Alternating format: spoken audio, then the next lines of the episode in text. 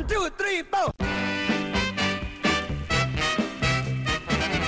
Euskal Herria irratian, Metrópoli Forala.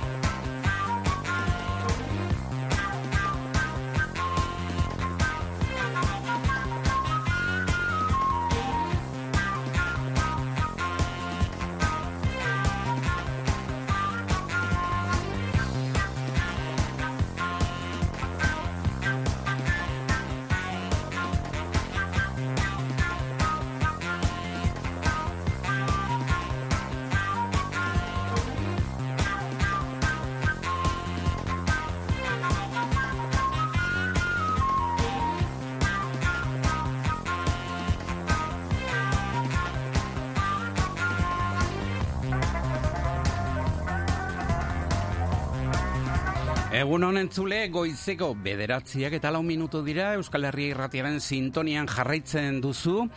Metropoli forala beste bi ordu zeharkatzen segituko dugu iruñetik mundura ari gara.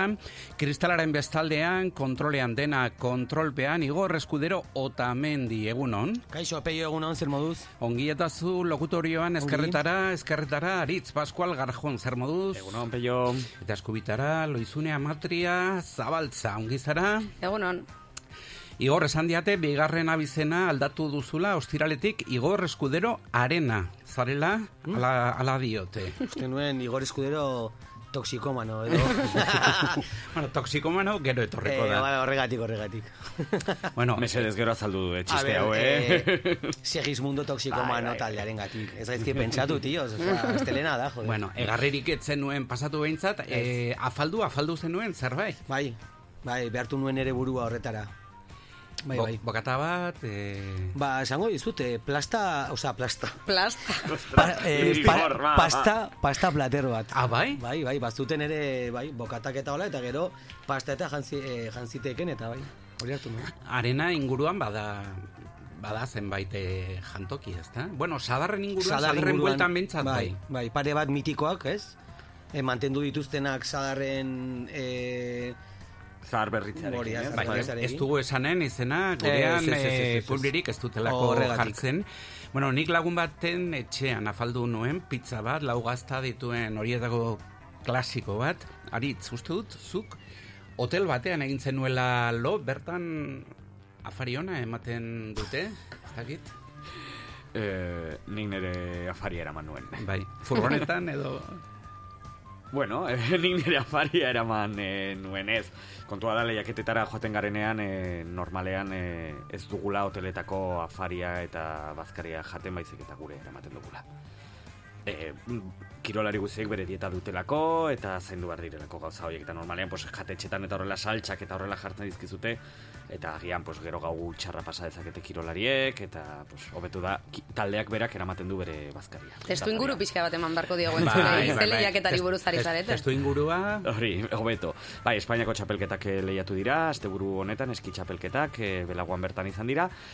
Eta esan bezala bani hori nire kiroltaldearekin joan nintzen, entrenadore mo moduan, eta esan bezala e, dietak zaintzen dira, eta normalean saiatzen gara ez jaten e, hoteletan ematen digutena. Ez du, kirolariek pasta asko ez da? Hori topiko bada. Bai? E, bestelakoak ere bai jaten dituzte. Bai. bueno, beste, beste egun baterako. E, loizune gauza berria probatzea gustatzen zaizu, agian japoniar batean afaldu zenuen, ez dakit? Ba ez, ez, nik pizza faldu nuen larun Bai. batean. Bai, bai, Bueno, bai. nik januen toki berean behintzat, e, ez aizu jatetxe E, gauza bat, e, aritz e, gure entzuleari, e, bueno, Aritz gure a- entzuleari? bai, aritzek e, mezu bat bidali digu e, gure entzuletako batek eta, bueno, ba, kaixo esanen nion izan ere, bera e, azkarragoa izan da, e, nik asteburu honetan zer egin dudan asmatzerakoan. Dio, egunon, gora garraldako gau pasa. Amatriaren estarrian somatzen da gozatu zuela, zelako oroitzapenak. Bada, garraldako gau pasa izan da, baino ni ez nintzen bertan egon. hortxe, inko, inkognita. Inkognita. Hori da. Nik e, gaur igorreta loirene haotxak entzun da, e, gure Josu Ganuza ondiaren e, esal, esalera bat ekarriko dut. Gauean jai, goizean tuju tuju. Esaten du Ganuzak eta. Josuk tuju tuju. Tuju tuju hori, goize. Ongi, ongi. Gaur daude tuju tuju. Ongi ekarria. Tuju tuju. Egia da, eh, nik, bueno, restrizioak eta jakendu zituztenetik, badara madara plenoa egina. Osa, esan, eh, Asteburu a- a- guztiak. Ez, baizik, eta atera naizen asteburu guztietan, eh, estarri aurratu dudala, eta nik uste dela emozioaren gatik, ze ez dakit nik eh, esan nahi dut, nik ez dut lehen baino altuago hitz egiten. Baina ez? jende askorekin hitz egin nahi duzu. Hori da, jende, jende askorekin hitz egiten duzu. Izan ere kasuan bai. Nire kasuan ere hitz egiteagatik izan zen, eh? Bakarrik. Tuju tuju. Tugu, tugu. Edo, ez dakit, eh, Coca-Colaren temperaturaren gatik, Coca-Colarik ez nuen hartu. hortxe utziko dugu, ezta? Edariez, hitz egiten ari gara, nik eh, jatetxe japoniarraz hitz egitea nahi nuen, eta horren aritik tiraka, ni gorrotu ditut jatetxe japoniarrak probatu gabe, oraindik ere. Jo, ba, gorro, gorroto hitza oso potentea da. Ez baduzu probatu ere, ez? Eta, Ez dizut- aventura polita da. Bueno, eh, olako jakiak gustoko badituzu eta olako zaporeak, bai. Beira, eh, Baina gustoko dituzun jakiteko lehenik eta probatu behin behar gastatu behar da. Baina, eta are gehiago gorroto di- dituzula esateko. Eh, probatu lehen da biziko. Pello baiet. Ausartu. Nik uste dut honetaz hitz egin dugula, noiz, bai, Bai. ez? Hombre, bai, nengoela, ze nik eh. hemen Kontatu zenuen wasabirena, hori da. Historia nik hemen kontatu dut, Bai, ez bai, bai. zurekin izan entzen edo Baina ni nengoela, ez. Egia da, Ba, kontatu zenuen, orain bai. dela, bai, da, bete Ni Juan nintzen bat. lehenengo aldian, enekila... Egin zenuen iaia txupito. Ba- badakizu- Pues, Chupito eh, eh, wasabi. eh, Bai, hori da. Gainera, Eh, osea, hori da, esan dut, klasiko bada, ez dakin jendearen artean, ez? Bai, baina- tontakeriak egitea. Eta Baina ni zen- pensatzen dut anisakiz barruan izango da. Eta badakit e, izoztuta ateratzen dutela, ez da? Bai, anisakisa bada eh, maki-maki bat, ez? Edo... Bai, eske, behin ezagutu nuen pertsona bat anisakizarekin e, kaltetuta eta izugarria izan zen e, pertsona hori nola zegoen zein Baina bertako arrainak ere baduan izakisa Bai, gaur egun, bai, beraz... bai, bai, eh, bai, Baina e, japoniarretan gainera kongelatuta ateratzen dute edo izoztuta egon den e, Orduan? arrain hori ateratzen dute, baina berdin da. Agian anisakiz deitzen da bertako zerbitzaria. Berdin zait. Bueno, bueno, bueno, ez zait iruditzen bat ere eh, errespetu gutxikoa iruditzen zait. Bai. Bai, zure jarrera, bai. bai. Ze besteak eh, onartzeko ere ezagutu behar ditugu. Ze maiz eh, hori izaten da arazorik handienetako bat. Ba, Eta bira, gaur- hor, zuk a- jatetxe batekin hori ere egiten. Eta gaur arratzakeria eta xenofobiaren aurkako nazioarteko egunan oso ongi ekarria. Baina hausnarketa hori. bestela, bestelako egunak ere badira gaur horri buruz hitz egingo dugu pixka bat e, berandoago e, poesiaren eguna baita gaur. Aizu, jatetxeak aipatzen ari ginela em, indiar zenbait baditugu tandori esate baterako batean afaldu nuen duela bazkaldu nuen duela ezain beste. Eta gero zerrenda begiratzen egon naiz jatetxe alemaniarra Arthol e, Teobaldos kalean arrotxapeko mani tabernan janari afrikarra ematen dute. Bigarren zabalgunean, amaiurko gazteluaren kalean, Al-Safir, jatetxe arabiarra, Marokoko produktuekin, Argentinarrak, aragi errearekin eta San Agustin, Fuente el Hierro, Herriberri kalean, Brasil... Fuente el Jarrekoa itxi dute. Ah, bai? Pasaren astean. Ui, Bai. Errezitzaien. Ez la tablita deitzen zen eta Bai. jubilatu dira, eh, erretiratu dira eh, jabeak. Eta zu egona... Bai, bai, bai, bai, bai. Eta... Diote, iturraman dagoelako eta askotan eh, joten ginen, eta bai, bai. Bai. Oiek ez zuten eh, aragierrea egiten, eh, baizik eta Argentinako empanadak egiten zituzten. Ze onak. Marilako oso, oso onak. Ez dakit goizeko ordu hau delako. Zaio zer gustatzen gizon honi? eh, Brasildarra erletokietan eh, la caja di, divina daukate. Eh, ha, hori, hori da... Aizu, Bulgar, Bulgariarra eh, bada antzoinen izboora izenekoa. Ez dakit Hori oso ona da, oso gomendagarria. Bai, egon bai, zara? Bai, Eta? hainbatetan. Eta? Oso ona da. Ez dakit, bai, Bueno, bertako... Detalle gehiago, mesedez? E, bertako janaria egiten dute, baina ez dakit, e, ez da hain ezberdina. E, Claro. Bai, bai, bai. Eta, bueno, oso goxoa, ez dakit. No, total, sekulako variedad ari zara Daukagula. ipatzen, osea, hemen iruñan denetan Bai, dago orduan. bai, genekien hainbesterako zenik, ez? Eta azkenean bukatzen dugu pintxo tortilla, oiko pintxo tortilla bat Bai. zaten taberna baten. Horregatik horretara joan nahi nuen, nik, orduan, ez balien bazitu zer gustatzen, zen da, e, zertarago azpeio. Ez, ez, ez, jatorriko jatetxeak hori Ah. aipatzen ari nintzen, eh, japoniarretik abiatuta. Ah. Hainbeste maiteztu dan batetik, ez da? E, WhatsApparen zenbakia gogoraraziko diogu, gure entzule horri, atzeki, atzerriko menua, platerak, otordua, jatetxeak, orain arte jan dituzunen artean goxoenak, txarrenak, arraroenak, berezienak, WhatsAppa, mesedez. 6 zortzi, bederatzi bat, zortzi bederatzi, bederatzi sei. Aizu, lehen aipatu ditugu zenbait, baino badira gehiago gure zerrenda maigabe honetan eh, jatatxe, jatetxe, kolombiarra, ekuatoriarra, frantsesa, estatu batuarrak ere baitugu, tailandarra, karibetarra, hawaiarra. Hori iruñan dago. Eta italiarrak ere, bai, ez? Italiarrak bai. Bueno. Aizu, ita, Txinatarrak. baino italiarrak, mexikarrak, eh, Mexikarrak. txinatarrak betikoak dira. ezta? Betikoak. Bai, izan daiteke. izan daiteke. Bai, ita- italiarrak. Bai, italiarrak bai, eta txinatarrak ere, bai, bai, bai, bai. Espaldikoak, eh, bai. Mira, nik denak ditut gogoko. Bai, txinatarrak nik ez hainbeste. Hainbeste Bai, oraindik ez duzu esan, zein gustatzen zaizun peio. Bai. Eh, aipatu dituzun guztietan. Bueno, Hola, aurpegia jartzen. Zer Itali- gustatzen zaizu? Eh, bai. mesoneko eh, bokadillo bat eta listo, ez? Eta Eh, horretatik ez zara ateratzen bai, edo... urdaiazpikoa eta eta tomatearekin. Eta listo. Bai, baino gehiago ere, bueno, Klasik. Klasik. Tradizionala, tradizionala. Bueno, ez hainbeste, baino bai. Sarritan dakizun eta ezagutzen duzun bide horretatik jotzen duzu, ezta? Gaur esate bai baterako amarretan e, egiten duzu, mogau bat, e, zerekarri duzu, leizune? bederatzi tardietan hartzen dut niko osaria. Alsafi, ezta? Hau bukatuta, e, begira, hor baizetako gazta ekarri dut. Bara.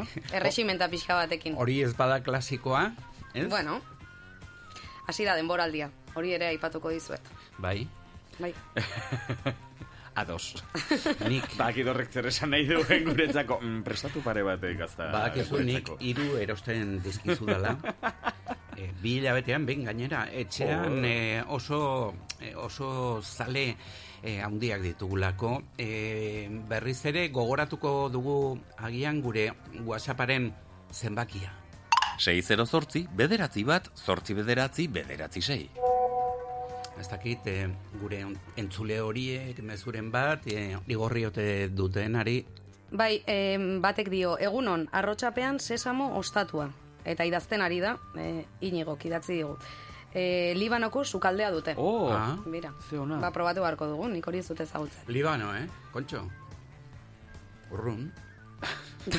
Mira, Eta ba, Japonia, nola ditzen zen, e, zera Pirineotako lanuza ba, e, lakuan egiten den zen jaialdia? Eh, Pirineos festival edo... bai. Be, ga- e, garai baten, Bai, e, bai. bueno, Pirineotako musika Bai. jaialdi horretan, e, urte batean Libanoko sukaldari bat e, egon zen, eta nik probatu nuen, Wow. e, eta oso, oso, oso... Hori dago, saiende gaioren ondoan, bai, hori, da? bai, hori, Azpian. bai, bai, bai, lanuzan egiten. Bai, bai, Pirineo bai. Rock, ez da olako zerbait. Pirineo Rock, bai, holako izan Bai, da, bai, Bueno, Normalean jaialdi, jaialdien izinak ez dira oso originalak izaten. Bira, beste batek idatzi du eta hain zuzen Sesamo Taberna aipatu du, Libanoko sukaldea Sesamo Taberna Oye. berria oso ona Paulino Caballero karrikan ireki dute bertze bat zoragarria. Ba, Eta audio Helenak. Ba, Libanokoan nik apuntatzen ari. Bueno, zein da. Beste entzule batek deitu du txistorra taloak maite ditut. Txokola, Aha. txokolate taloak ere badira, xingarra daukaten taloak ere badira. Aurrekoan esaten ziren ire, eta ez da, e, garai batean, baserrian, etzegoela ogirik, eta taloak egiten zituztela. E, bai, ni harrituta geratu nintzen, en nuelako espero horrelakorik, ez da? E, taloak pensatzen nuen festarekin eta Nafarroa oinezekin lotuta zegoela, ez da? bai, ohitura hor sortu zela, ez? Ikastolekin batera. Bai, vintage, vintage, ez da? Atango talogileak edo. Ba, ta, taloak... Eh, Onak, goxoak. Supermerkatuetan saltzen hasi ziren, konfinamendorekin, ez dakit Bai. zuek ikusten zenituzten, Bai, bai, ikusi bai, nituen, bai, bai. eta erosi ere bai, baina ez zuten hor E- ikusi da, askorik zuzenean, zuzenean egiten di- dituzten taloiekin, eh? Hori da. Oso ongi, ba, segidan eguneko albiste agenda e, eginen dugu, edo... best- Pirineo Sur, jaialdiaren izena. jaialdia. Digute? Eskerrik asko entzule, Ainoak bidali Ainoak du. bidali du, Eskerrik asko Ainoa. Ba, ni urte batzutan egon doan nintzen, eta hori gauza ba- bereziak ere bai probatzeko aukera bat zegoen hor. Agenda zaritzinela, Bai, Pello, baina Pirineoan ogi apurrak, ezta? Oso, oso goixoak izan Baita ere. dira. Ere bai, U- Usuen, usuen ere. Bueno, Bai, bai. ba, albiste agenda. ezta? Albiste agenda. Bai, Aipatu bai. dugu gaur nazioarteko arrazakerearen kontrako nazioarteko eguna dela eta gaur sos arrazakeriak bere txostena e, argitaratuko du urteroko txostena Nafarroaren egoera zein den aipatzeko, baina baita ere aipatu gaur poesiaren nazioarteko eguna dela eta baita ere Down sindromearen e, nazioarteko eguna dela, hain zuzen gaur martxoak hogeita bat e, delako eta hogeita bat kromosoma horri erreferentzia egiten diote. Eta nola ez, e, Nafarroko parlamentuan, astelenetako eledunen e, bilera eginen da, astelenero bezala. Oso ongi, ba, gaurko prensaren errepasoa eginen dugu segidan, e, gora kioskoa eta gero dei bat eginen dugu. Optika iruñaren eskutik, prentsa irakurketa. Zatoz gure optika eta entzumen zentrora. Aiozko monasterioa lau eta optikaliruña.com. Aritz, eh, zer diote gaurko egunkariek eh, haien lerroburu nagusietan, argazki garrantzitsuenak zein, nabarmenduko zenituzkoen eh, bigarren mailako goiburuak, Ukrainako gerra eta ondorioak protagonista izaten jarraitzen dute. Egunkaritako azaletan, erabat esituta dagoen Mariupolen kalez kale aurrera egin du Errusiak diogarak eta itxasportu garrantzitsu honetaren gain, honen gaineko ultimatuma ere egin dutela azaltzen eh, azaldu digute. Ondorioak diario de notiziasen, energiaren sal neurrialtuek eta gerrak eguzkiloren landatzea bultzatu dute Nafarroan diolerru buruak hartoak kendu eta eguzkiloreak berreskuratzea planteatzen omen ari, eh, planteatzen ari dira herriberan eta dafai aldean. Astelenetan ohi duenez, estadistika ekarri du diario de Navarraka zalera. Etxe bizitzen salmentak marka guztiak apurtu ditu Nafarroan. Hogeita bost salerosketa egunero izan dira 2008 batean. Argazki dagokionez, gaur gara karrazakeriaren kontrako eguna dela eta atzo bidasoan ezarritako kontrolen kontrako manifestazioaren irudia ekarri du. Azalera, pasa lelopean ehunka pertsona bildu ziren. Koronavirusaren pandemia hasi eta bi urtetara diario de Navarran erreportai sorta egiten ari dira eta horren irudia ekarri dute gaur azalera. Itxialdi egunetan erditu eta COVIDaren gatik ziura eraman zuten emakumearen historia gaur kontatu digute eta argazkian Miriam Bera ama azaltzen da dagoeneko bi urte bete dituen zurine bere alaba eskutan. Kirolak nagusi diario notiziasen eta protagonista haundi bat. Asier Martínez atletaren lehen plano bat ikus dezakegu atzo pista estaliko munduko txapelketan laugarren postua lortuta. Momentu batean hirugarren ikusi dut neure burua dio zizurtanak. Bestelako gaien artean, atentzioa, deitu digu, diario notiziasek egin duen erreportaia, Nafarroan salgai diren herriei buruz informazioa bildu eta zalera ekarri dute. Zai, beltzunegi, salgai daude, despopulazioak ustu zituenetik, inbertsoareak ere azaldu dira azken urteotan interesatuta. Asier, hartu telefonoa eta Asier eh, erantzun, erantzun mesedez WhatsAppak. Oso ongi, ba, bestelako kontuekin jarraituko dugu. Asierrentzako. Asier, Asier, eh, kirolarian. Ah, Asier Martinezen da komentzua, ondo. Bueno, bestelako kontuak orain, bederatziak eta hogeita bat. Optika Iruña. Optika eta entzumen zentroa gure bezeroei zerbitzurik onena eskaintzeko egunez egun lanean. Optika Iruña Aiozko Monasterioa lau Donibane Uzoko osasunetxearen ondoan eta optikairuna.com webgunean.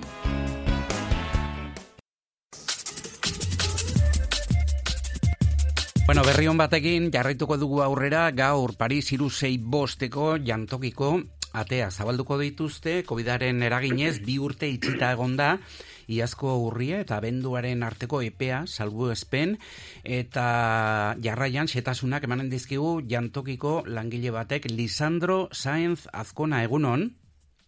Egunon, Bueno, oraingoan irekiera behinbetikoa espero duzu ez, da? bai, bai.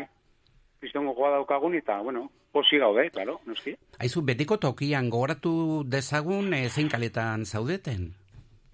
Ban, e, San Lorenzon, Aizu, Kalean. bai, bi urteotan e, beharrean zeuden pertsona horiek nola lagundu dituzu, eh? ba, azkenean egin genuena zen, ba, ba, taperrak prestatu genitun, ba, etorri ziren, ba, bazkatzea, bueno, e, taperra eramateko. Eta, bueno, ongi moldatu genuen, eta eta hori, ba, ema, eman baten niregun, ba, e, hori, e, ba, ez- eraman zituzten ba, bazkaltzeko eta faltzeko, eh, taperrak. Eta, bueno, ongi moldatu ginen. Bai, pandemian pertsona zaurgarri horien egoerak okerrera egin du? E, ala esan pixka izan da, bat, ezta? pandemi- Bai, barkatu. Pandemiak, bai, pandemiak pixal, ez daki, hilogei eta piko persona etorri ziren, eta pandemiagatik, ba, egun eta piko. E, azkenean, bai, handitu egin du, baina, bueno. Haien beharrak agian handiagoak izan dira, zuk esan duzunaren arabera. Profila aldatu da, bertara zijoazen pertsonan profila? Bai, Bai, ez zer nolako pertsonak ziren, bertara joaten zirenak, ezta? Ba, badago denetarik ez, azkenean, pff, ez dakite, adi- adibidez, ah, azkenean egin du- duguna ba, hori, badago musulmana, badago e, baskarri jale, osea, badago denetarik ez, orduan, prestatu geni- eh, ditugu, ba, menua, pues, be, menu e, bat, e, ez, orduan, ba, bueno. Aizu, bertakoak eh, asko hasi dira, eh, ez dakit, taperraren eh, bila joaten zirenak, edo hemendik aurrera, edo garai batean bertara joaten zirenak, eh, bertakoak eh, gero eta gehiago ziren, dira? Bai, bai, gero eta gehiago, karo noski. Ez que pandemiagatik, ba, azkenean ondoria da, ez? Azkenean, ba, bueno. Eta orain be bai, eh? Jantokian segurazki jende pilo bat etorko direla, baina, bueno, etorko dela. Aizu, eh, zaurgarritasun egoeran bizi diren pertsonak duintasunez alikatzeko zailtasunak dituztenak, nora jo beharko lukete, nora deitu zuekin harremanetan jarri, gero jantokira joateko? Bai, azkenean, ba, zerrenda bat egiten dugu, eta deitzen dugu, eta, bueno, eh, prestatu dugu menua ze, eh, segun eta pentsan etorri dugu den, listo, eta horrela egiten da. Bai, neurri bereziak hartuko dituzue jantokiaren barruan, hemendik aurrera, distantziak eta bestelakoak. Bai, bueno, bai, distantzian, bai, e, metro eta erdi mantendu behar dugu, eta mai batean lau pertsonetako, eh? Eta, bai, bai. Oso ongi, ba, berri on batekin. Hasi dugula gaur eguna, Paris irusei bosteko jantokiko ateak zabalduko dituztela. Lisandro Saenz Azkona, mila esker. Bai, zuri, hombre, eskarrik asko, eh? Bai, agur, bederatzek eta hogeita bost. Izarra tanatorioen eskutik, kantatalka. Esta es la historia del típico imbécil que va por la vida de apolítico. No se atreve a decir lo que piensa porque es un puto nazi de mierda, de puta mierda, puto mierda de nazi. No engañas a nadie con tu rollo de apolítico. Mi política es mi forma de ver las cosas. No me falta nadie. Bueno, entzule, dakizunez, egunero lankide ezberdin batek kanta bat proposatzen du, zuk entzule, erabaki behar duzu, gaurtik hasi eta ostegunera arte, proposatzen diren lau abesti horien artean, nori eman botoa, nor babestu, bi bide ezberdinetatik eman dezakezu botoa, Twitterren bitartez edo WhatsApparen bitartez, eta hause duzu zenbakia. 608 bederatzi bat, zortzi bederatzi, bederatzi sei. Gaur nire txanda da, eh, hor kontua da, gustatzen zaizkit talde zenbaiten izen originalak grazia egiten diate sarritan, simple xamarra naiz horretarako, esate baterako Iruñarrok jaialdiko taldeen zerrenda begiratuta Segismundo toxikomano. Esate baterako, Horregatik epatu dugu sarrera. bai, Se- Segismundo toxikomano. bazen, bazen uten informazioa, Bai, informazio aurrez gehigarria guk ez.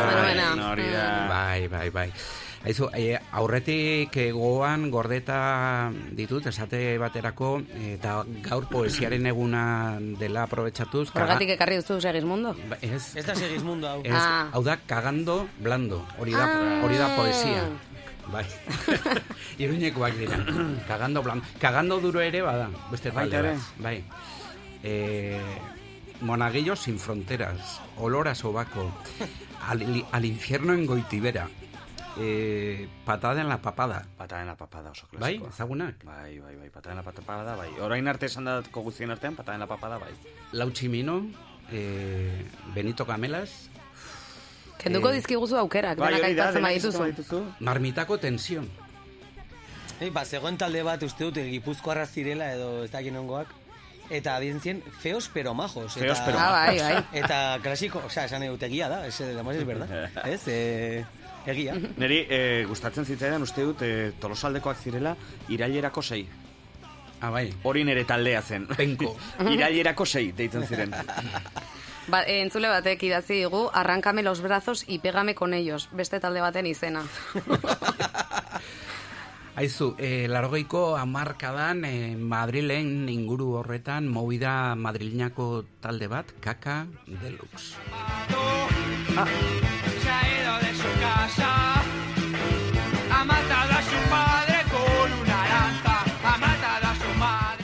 abesti bat baino gehiago jarri daiteke Bai, gaurko noski, kantatalkan. ba, e, hauek dira nire aurreko proposamenak.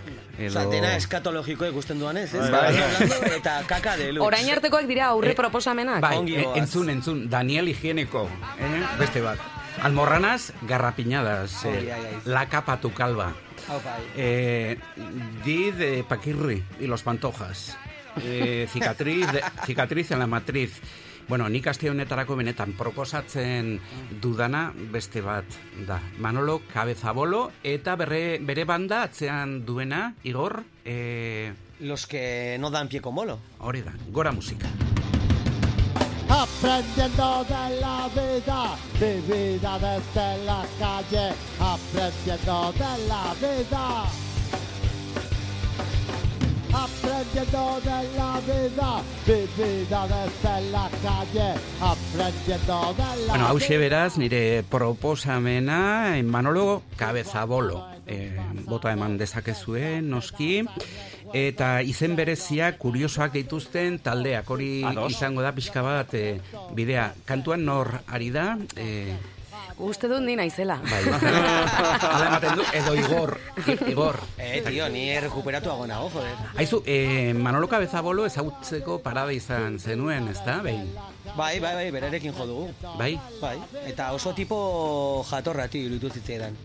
Ez genuen denbora askorik izan izketan aritzeko, baina aritu ginen momentua, bai. Mainoa Zaragozakoa Bai, da, Zaragozakoa, hori da.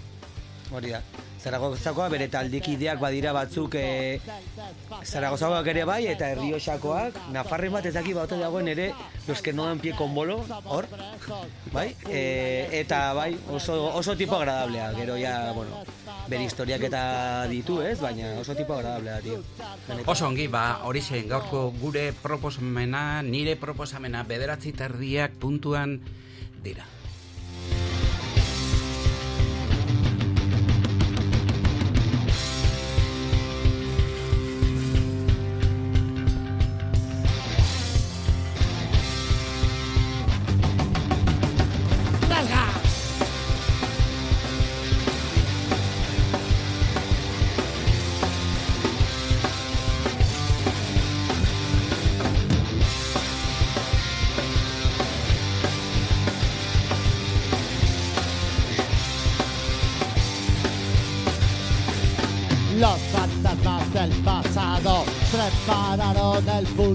Futuro. Tendremos un porvenir más sangriento y más oscuro. Seguiremos nuestras vidas preparados en la brecha hasta que brote la chispa. Bederatziak eta hogeita maika minutu dira Euskal Herria irratiaren sintonian zaude. Izarra tanatorioaren eskutik, kantatalka. Iruñeko erdigunean gaude, baita txantrean, sakanan, baztanen, malerrekan, bortzirietan eta lizarran ere. Izarra tanatorioak, hemen, zure ondoan.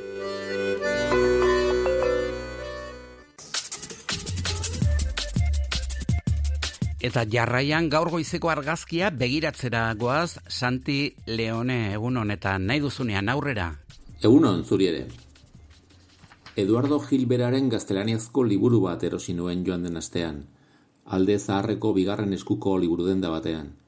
Eta gauzak zer diren, egun horretan berean ikasi nuen lagun baten bidez, Jokin Muñoz novela berria argitaratzekoa dela. Sin tocar el suelo izenekoa. Espainolez idatzia alegia. Eleberria martxoaren hogeita marrean edatuko da liburu dendetara, baina e-book formatuan lagin bat irakurgai dago dagoeneko.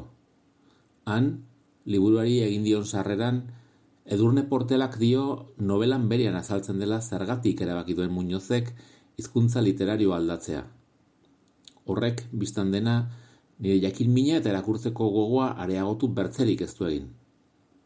Ikusteko dago, ala ere aldaketa betikote den, baina ala balitz, penalitzateke euskarak bertze idazle bat, eta ez nola nahikoa galdu izana. Aste hauetan, zenbait elkarrizketatan euskal literaturan gaiztuak garela erakurri dut. Gaiztakeria ziokatzen dugula elkarrekin, boxeoaren arauak aplikatuta. Ena ados. Izatekotan, dolorrak gara, zitalak. Gaiztoa izateak ausardia eskatzen baitu.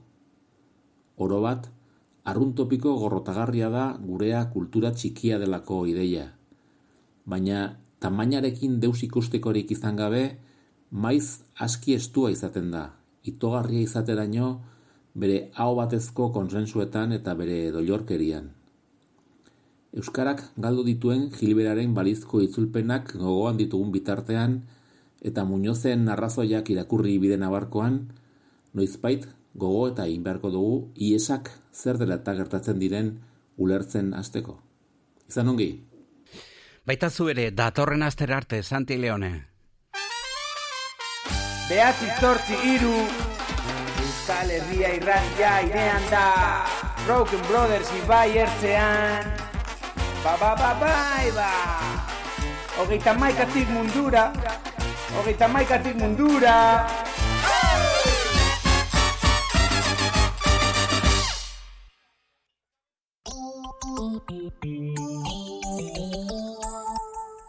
Eta orain, Pampi, zure gaia. Baztan bidasoako nekazaritza eta beltzaintza ekologikoa ekia biodendan.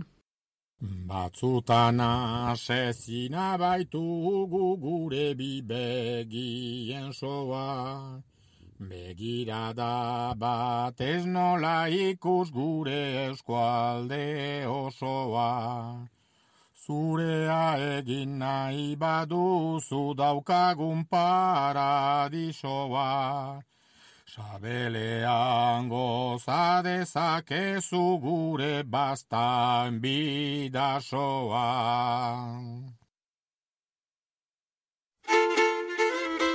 Optika Joaquin Alforja. Kirolean aritzeko betaurreko beresiak txirindularitzan, mendian, eskian edo ur kiroletan. Behar izan ezkero, graduatuak eskatu eta kirolaz disfrutatu erosotasun osoz. Optika Joaquin Alforja Iruñeko udal plaza bat. Begiz begiko zerbitzua. Una camioneta gris Atarrabian Manauto. Mekanika eta elektrizitatea mantentzelan orokorra. Manauto. Errondoa bi Atarrabia. Bederatzi lau zortzi, iru iru, 0 iru, 0 iru. Kooperatiba. Gertutasuna, etxetik edo ustiategitik bertatik ekoizle guztien esnea jasotzen da, txikiak naiz handiak izan. Kaiku kooperatiba gara. Irurteren ondoren bueltan da Doktor Deseo maketoen iraultzarekin. Martxoaren hogeita zeian tote maretoan izango da Francis bere taldearekin. Ez galdu aukera, sarrerak salgai, salatoten.comen. Iluntzero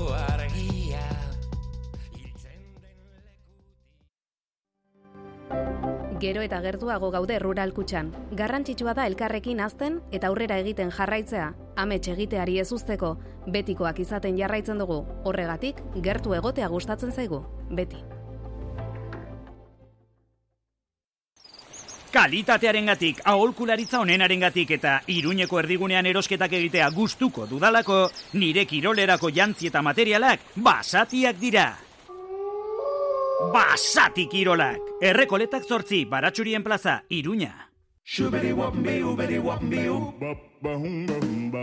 Bainuontzia dutxa bihurtzeko garaia iritsi da, larrarekin noski. Komunean eroso mugitzeko bakoitzaren beharretara moldatutako diseinuak egiten ditugu. Komun osoa zahar berritu edo bainuontzia dutxa bihurtzeko, kozinaslarra, mutiloako industrialdean eta kozinaslarra.comen aurkituko gaituzu. Badakizu kozinaslarrarekin zure ametsetako komuna.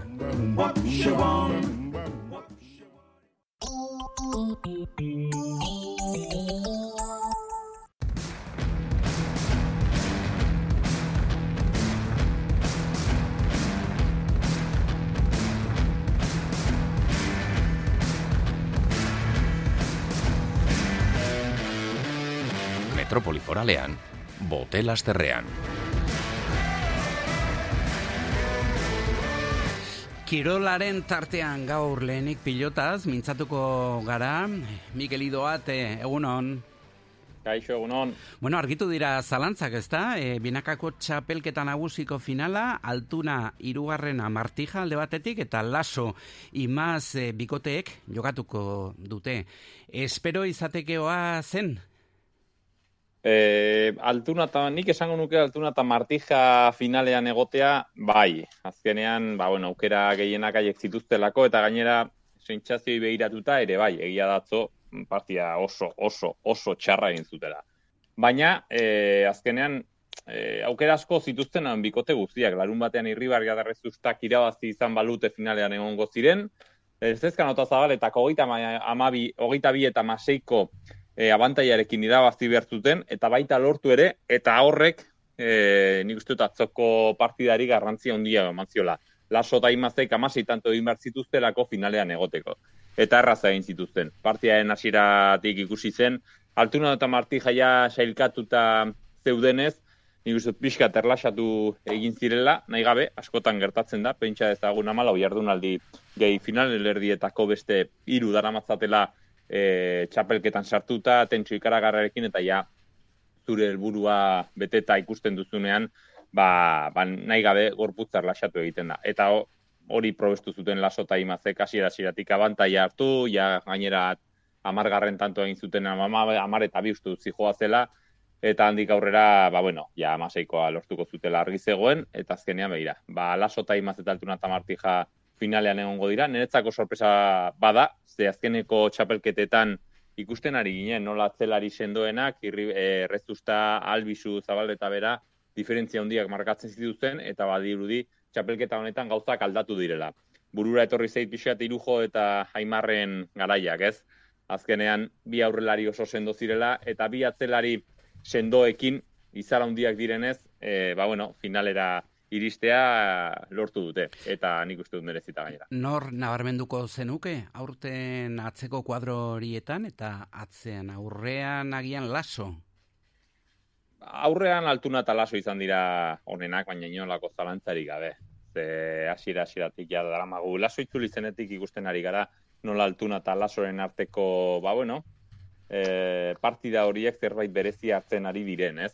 Bi estilo kontra jarri dira, eta net dena daukate. Pilotari bezala, atzelari pixkate e, desberdinekin, hau da, asko agintzen ez dutenekin, baina bai atzelari sendoekin, bai joko aldatzeko gai direla, ez? Izara handiak dira, karakterra, joko ona, abiadura, eta gero ongiera bat izan dutera, ongiera baki behar dutenean.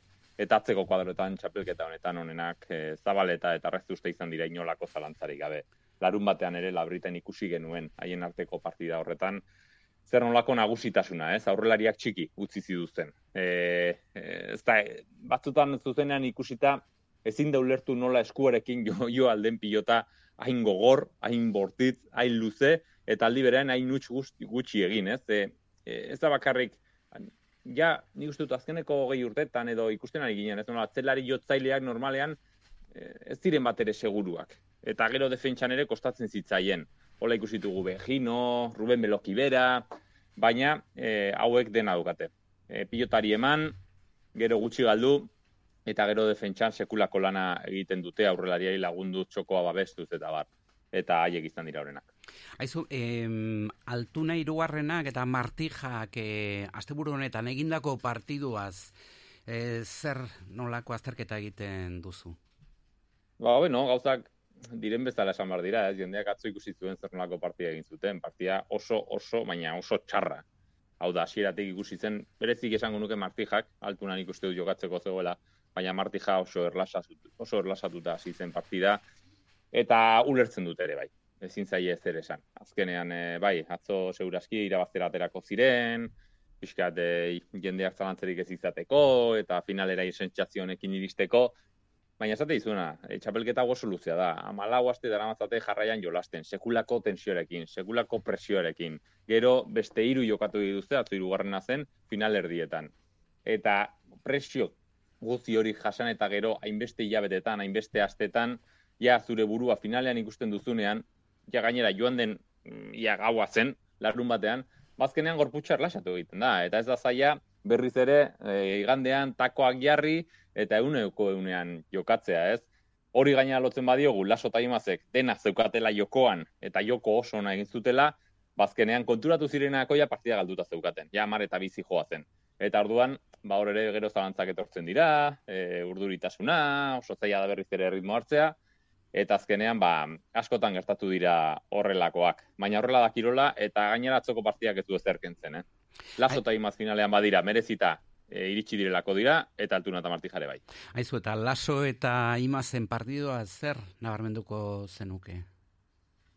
Bueno, nik bikote honetan gehien gustatzen zaidana da zeien ongi elkar ulertzen duten.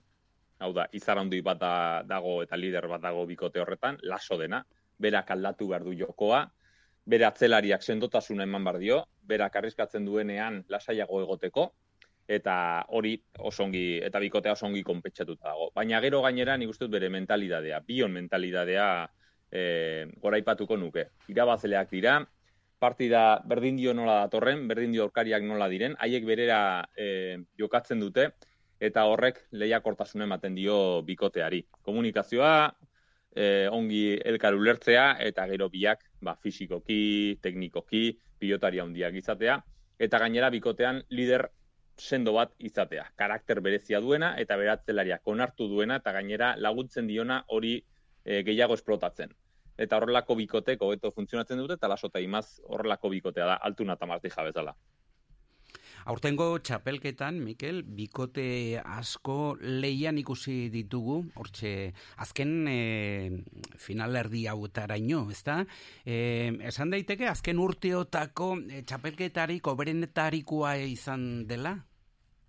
Bai, zalantzarik gabe.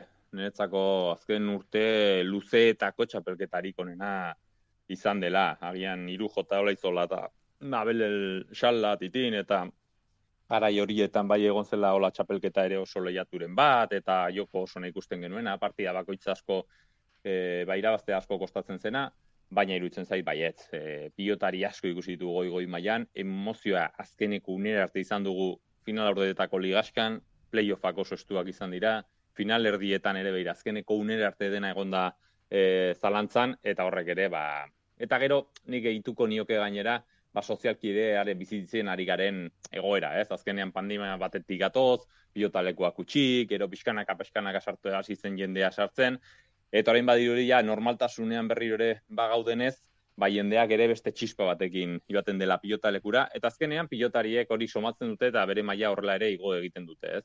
Orduan guzti hori kontutan hartutan etzako txapelketa onena izaten ari da bai. Bat ere txispa labriten, ezta? E, armaietan Bai, bai, hori klasiko, klasiko bat. Txispa, txispa gehiagitxo. Bueno, haizu finala geratzen dela, altura i- hirugarrena eta marti jalde batetik laso imaz e, bestetik e, zure pronostikoa zein ez dakite aurreratzeko moduan zaude. e, final handi bat izango dela bai, iruditzen zait berdindua ere bai, ze azkenean e, hautsiko duen atzelaririk ez dago, eta hautsiko dutenak aurrelariak izango dira. Atzelariak biak garantia handikoak dira. Nahiko antzekoak, pixkat desberdinak, ze kolpez eta karakterrez biziagoa ikusten dute imazalte martija baino, baina agian e, garantia gehiago ematen dizkite martijak imazaino, baina ongi jokatuko dute biek, hau da, pilota gutxi galduko dute, aurrelariare asko lagunduko diote, eta azkenean aurrelarien egongo da nork irabaziko duen final hori. Eta nor daude aurrean, ba, altuna eta laso. Azkeneko bi urtetako edo urte azkeneko urteko bi pilotari onenak. Eta azkenean aurrean irabazik beharko dutenez, nik uste dut partia lehiatu izango dela, gauza oso politak ikusiko ditugula, eta partia gogorra izan daiteke. Kontutan hartuta Bilbon jokatzen dela, Bilbon pilota txatu egiten da, eta horrek ere epika puntu bat ere emango dio finalari. Final bat, nik uste final haundi eta ez dakit historiko, baina historikoa izan daiteken final handi baten aurrean gaudela. Ezu eta gero buruz burukoa hasiko da, ezta? Em, altuna eta laso izan daitezke hor favorito. Bueno, e, buruzburukoa aurten lehiatu izango da. Gainera, guretzako Nafarroentzako finala hemen izango da, Nafarroarenan. Uste dut historian lehenengo aldiz jokatuko dela finala Nafarroan, eta eta txapelketa benetan estu izango du, ez? Aurten ez da inor faltako, goi-goi mailako eta txapelaren txapelatik oso hurbil egongo diren pilotari asko izango ditugu, Altuna talaso dira favorituak, noski, azkeneko txapelketako finaletan haiek egon direlako, baina ez ditzagun aztu urrutiko txea, irribarria, jaka, ezkurdia, gero egongo da hartola, hau da. E, txapela irabazteko aukera asko dituzten pilotari desente izango ditugu, eta txapelketa lehiatua izango da zanantzari gabe. Horregatik ere, enpresakari dira pixkat e, buruari ematen, eta agian formatuko, formatu aldatuko dutela badirudi, hor zurrumurruak badaude. Baina kontuz buru, buru, buruz buruarekin, ze txapelketa luzea egiten bada, lesioak agertuko dira bai edo bai. Aizu, Navarra arenan e, aurrekoan saiatu ginen sarrera erosten e, eun euro. Aizu, e, bueno, futbolera joateko bai, ere antzekoa. Bai, bilboko finalean, ez? Bai, e, bai azkenean... E, Navarra arenan ere azkeneko urtetako merkeenak, eh? Beio, azkeneko urtetako merkeenak. Iru jota loaizolaren arteko par, e, ba, final horietan, uste dute egun da berrogei tamar, egun da laurogeira, iritsi ziren garestienak. Gero berrogei euro gatik, eta goita mapik uste dute gatik ere, joan alzara finala ikustera. Eta hoiek denak agortuta daude. Eta ongi irutzen zait, futbolariaten bazara askoz gehi ordaintzen duzu, eta ez da final bat. Orduan, e, pilotare balorean jarri behar da, denetareako sarrera daude, berrogei eurokoak, eta segunetan on jarri nahi duzun, barduan garestiagoak, edozein gauzetan bezala. Zuk esan duzun bezalaxe, ez da, merkeago, garestiago, denetarik eh, dagoela. Mikel Idoate, nahi duzun arte, ongi izan, agur? Bueno, besarka bat. Iratzargailua itzali, kafea prestatu, eta Euskal Herria Irratia puntu eus, Iruñerriko Euskaldunon agerkaria. Une oro, gaurkotua, Iruñerria, entzun, ikusi, gozatu, Euskal Herria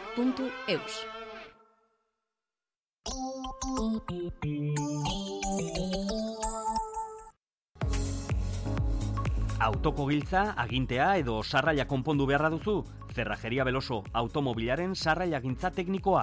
Autoko giltzekin duzun edo zein arazo konpondu dezakegu. Burlatan eta zerrajeriabeloso.es webunean aurkituko gaituzu. Errigora, asmondiak eta oinak lurrean ditugu. Zatoz eta segidezagun beste konsumo eta ekoizpen eredu bat gauzatzen. Auzolanean eta euskaraz. Nafarroa erdi eta hegoaldeko baratzetako produktuak Euskal Herriko plazetan ditugu berriro. Bete despensa urte osorako oliba olioa, kontserbak lekalea, karroza, pasta. Informazioa eta eskaerak errigora.eus webgunean martxoaren hogeita marrer arte. Karrikirik hogeita bosturte, maiatzaren zazpian larun bata arratsaldeko zortzietan, baluarteko kamara aretoan, anari. Sarrerak, irubebikoitz, baluarte.comen. Agendari buruzko informazio guztia, irubebikoitz, karrikiri.eusatarian. Antzokia kulturelkartea, iruñeko udala, Nafarroako gobernua eta eusko jaurlaritzaren laguntzarekin. Karrikiri, iruñeko euskaldunon topagunea, Xavier Karrikalau.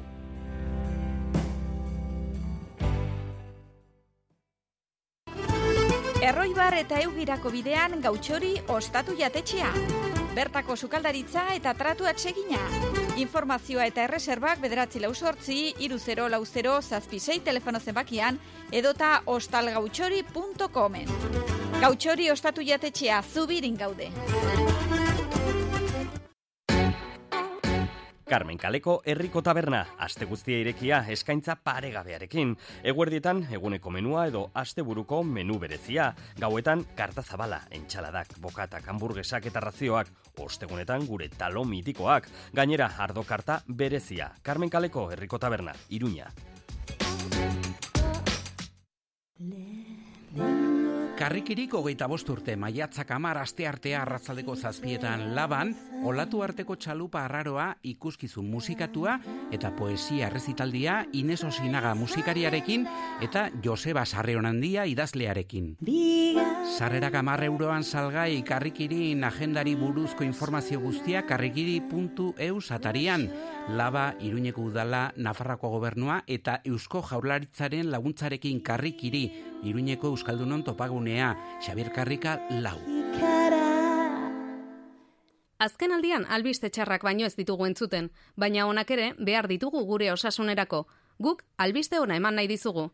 Aurten amabi urte bete ditugu. Amabi urte erlek ematen dizkiguten produktu ez gozatzen. Kalitate goreneko eztia, erregina jelea, polena eta propolia eskaintzen.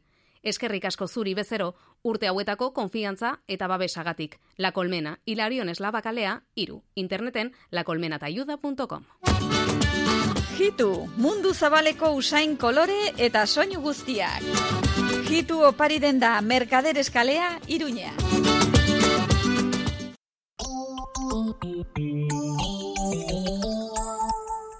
Metropoli txikilin.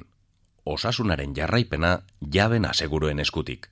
Amaikako gorria, haze auzardia, bere koloren alde borrokalaria, jarraitzailek kementsu oiukatzen diote, osasuna, aurrera, zuzara berena.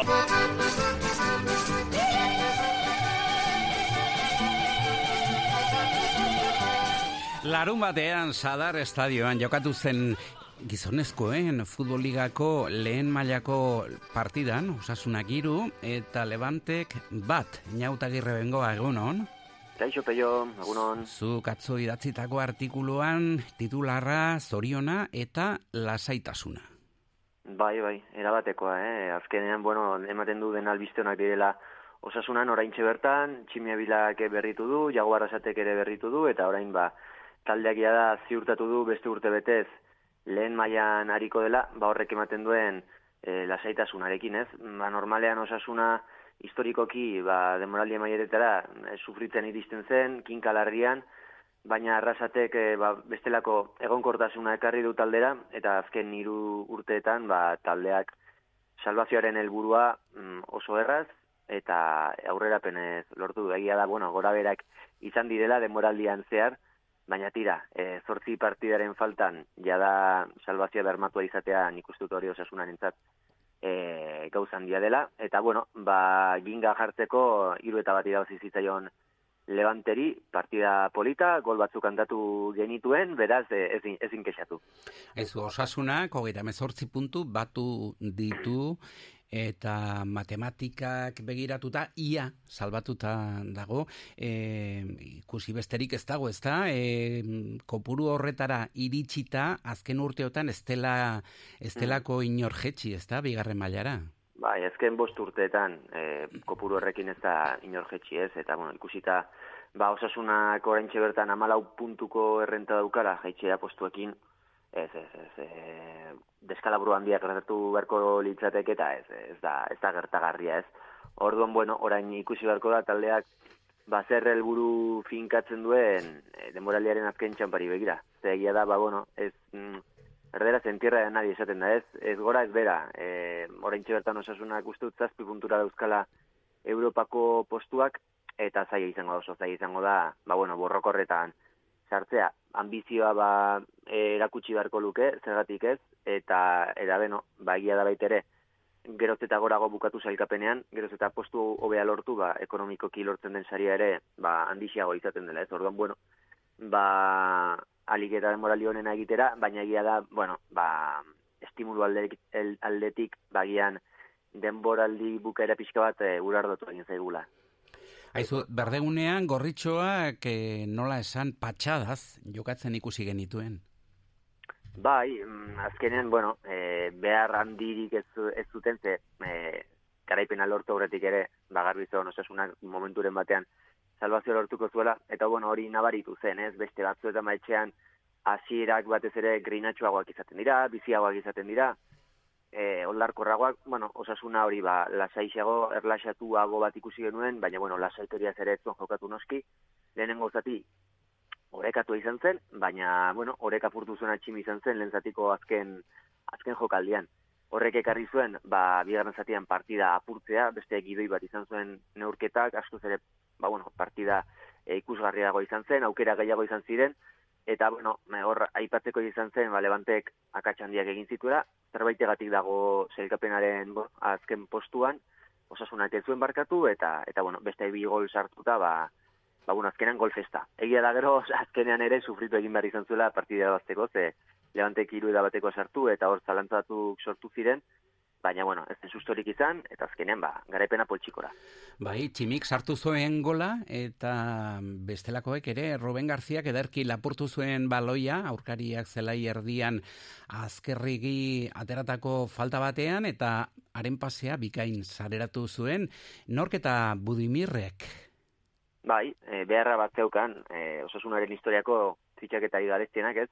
Zama hori, da gainean darama demoraldi honetan, eta, bueno, ba, ez bil horren finate aurrean, ba, iaz, iazko demoralien bezala, ez? Hala ere, bueno, nik uste dut demoraldi ari dela egiten, oso langile, beti bezala, eta, eta bueno, ba, eren egun goleko pase bat eman zion tximiri, gero lehen ba, gola sartu aukera garbi bat e, izan zuen, ez zuen asmatu, eta gero bazkenean, bai, Ruben Garziaren pasea jaso eta eta Cardenas atezainaren aurrean oso ondo bukatu zuen jokaldia, zamandia kendu zen gainetik, eta gero, bueno, gola sartzen urrengoa brasana, txonek ere, bueno, e, on indarrez, e, bizitasunez ospatu zuen, uste dut beraren txate denboraldiko lehen gola izan zela, eta honek ere, ba, bueno, suarki ospatu zuen, ospatu zuen gola, bueno, aipatzeko ez, e, ba, atzerriko hiru e, jokalari izan zirela gola sartu zutenak, baina, bueno, osasuna nahiko bere sentitzen duten hiru jokalari. Bueno, eta azkeneko minutuetan, ez da, sartu zuen gola Levantek? Bai, bai, bai, azken txampan. E, uste dut iruro gaita garren minutuan izan zela, eta bueno, iru eta batekoarekin, ba, pentsatzeko zen oraindik ere, ba, berdinketa oso urrun zegoela, ez, garaipen aiaia ziurtatuta zegoela, baina e, hortik aurrera, Levantek beste pare bat aukera oso izan zituen osasunaren area barruan, oso oso on, e, lasa esko sartzezaken hiru eta bikoa, eta hiru eta bikoak bai, ba, bueno, e, itolarri ekarriko zuela azken minutoi begira, eskerrak, ez zuela levante asmatu, gero osasunak laugarren egiteko aukerak ere izan zituen, eh? kike gartiak batez ere pare bat jokaldi oroitzen ditut, bat, bueno, ba, hola bolea nahiko estetiko bat egin zuena, baloia gutxi bat jozitzaion kanpora, eta gero, bueno, beste bakarkako jokaldi bat ere egin zuen, baloiari gurpile eman, eta, bueno, ja, zutoinera bidali zuen baloia, Orduan, bueno, bazkenean hiru eta bat, eta eta denak pozik. Hori da, denak pozik, ina, eta gerre bengoa, nahi duzun arte, ongi zan. Agur, beserka da bat. Goizeko amarrak dira. Goizeko amarrak dira. Euskadi Irratiko Informazio Zerbitzuak. Albisteak. Egun guzti hoi txinan egun da hogeita mairu persona zen egazkin batek istripua izan duela jakinera zidu, bertako telebistak kun mining eta kanton arteko bidea egiten ari zela, boin zazpiun hogeita amazazpi sortzeun motako egazkinak lurra jodu Guangxi eskualdean, txina egoaldean, momentu ez dute esetasun gehiago zabaldu, ez da, eunda hogeita mairu lagunetatik inor bizirik atera ote den, egazkinak zazpi urte zituen eta mila irureunda berrogeita mar kilometroko bidaia egin behar zuen, sortzi mila eta bederatziun metroko altueran, ari zenegan erori denean. Garraiolarien greba sortzi garren egunera iritsi da eta petrolioaren prezioa, kamioizalen protesta estandarazi duena, are gehiago garestituta gaur. Europan erreferentzia den Brent petrolio upelaren prezioa, euneko hogeita bos garestitu da, upel bakoitza eunda maika dolar baino gehiago balio izatera iritsiz. Testu inguru honetan, arantxa tapia ekonomia garapen sailburuak erregaien gaineko zergan nola gutxitu premiaz aztertzeko. Eskatu dio Raquel Sánchez, Espainiako garraio ministroari. Tapiak gutuna igorri dio, Euskadiko logistika sektoreko arduradunekin eta enpresekin batzartu eta gero. Garraio sektorean pilatzen ari diren egiturazko arazoez jabetzen direla diotapiak, baina begibistan dugun egoera aldatu ezean jasan ezina izatera iritsiko dela sistema osoarentzat. Erabakiak premiaz eta lehenbailen hartu behar direla esan dio arantxatapiak Raquel Sánchez igutunez, martxoaren hogeita bederatzia beranduegi izan litekeelako. Ego Euskal Herrian, Merkabilbao eta Merkairunean, zenbait produktu jakinen faltatzen hasiak dira bai, baina oraindik estokean dagoenak asetzen du eskaria, Gorka Moreno, fruto eta barazkien Merkabilbaoko handizkarien presidenteak deskribaitu digu gaur goizean zein den bertako biltegiaren egoera. Batez ere dagona da e, pepitako frutua, e, zagarra, madariak, e, patatak, zitrikotan, bueno, e, uste estok erdia daukagu. Igora berdin jarraitzen badu, e, aste amaitzerakoan, pues, ez dakit, e, gure gama normala erdirantz e, geratuko da. Euskal Herrien eta mundu osoan gertatzen ari dena kapitalismo globalaren ondorio dela esan du Euskadi Irratien Arnaldotegi, Euskal Herria Bilduren koordinatzaileak. Bere garaian mikrotxiparekin egon ziren arazoak, eta horrek esan nahi du mundua antolatua dagoen bezala, edo tokitan katea apurtzen denean, horrek mundu osoari, mundu garatuari, nola ere ondoriak ekartzen diola, ez? Eta zentzu horretan, pentsatu beharko duguna da, ea noiz bait egiten dugun ausnarketa sakon bat, gure produkzio dutaz eta gure konsumo dutaz. Ukrainako gerraz ere galdetu diogu Arnaldo Tegiri eta zehaztu du ez direla Putinen aldekoak, baina ez dutela uste Ukrainari armak bidaltzea konponbidea denik. Ukrainan berdan Esloveniak Kiev hiriburuan duen enbaixada berriro zabaltzea erabaki du eta Europar Batasuneko gainerako estatukidei gauza bere egin dezaten eskatu die. Ukraina babesten dutela eta babesten ari dira erakustego. Azken egunotan Mariupolgo egoera nabarmendu bada ere erasopean eta laguntza jaso ezinik bizidrelako azofeko itxasertzean dagoen hiri handionetan Kiev hiriburura ere iritsi dira bombak eta bombardatzen ari dira Kiev Mikel Aiestaran. Keben gutxienez eh, sei lagun hil dira gaur gauean egon diren e, bombardaketan e, horietako batean Errusiak e, gune merkatal gune bati eraso egin dio. Irudiak benetan e, harrigarriak dira. E, sekulako txikizioa sortu da eta eta zentrotik erdigunetik zortzi amar kilometrora besterik ez dago. Eta sekulako estanda izan da, ez, egia esateko. E, Azte ukarantzear nahiko isilik egon da frontea, baina eh, azken ordu hauetan berriro berpiztu da eta bertako biztanleek eh, garbi ikusi dute eh, aurrez aurre gerra berriro ere. Errepide sarean ez dago trafiko arazorik segurtasun sailak esan digunez. Euskalmeten iragarpenaren arabera, ego ekialdetik sartuko da gaur ere aizea, baina indartxu eta zerua odeitzu egongo da. Itxasartzean temperatura ez da aldatuko, baina barrualdean bizpairu gradu igoko da. Barrualdean baliteke gainera tarteka euri pixka bat egitea.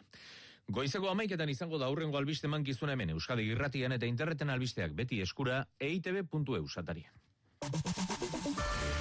EITB Zure komunikazio taldea Euskal Herria irratia, FM, laragoita emezortzi puntu iru.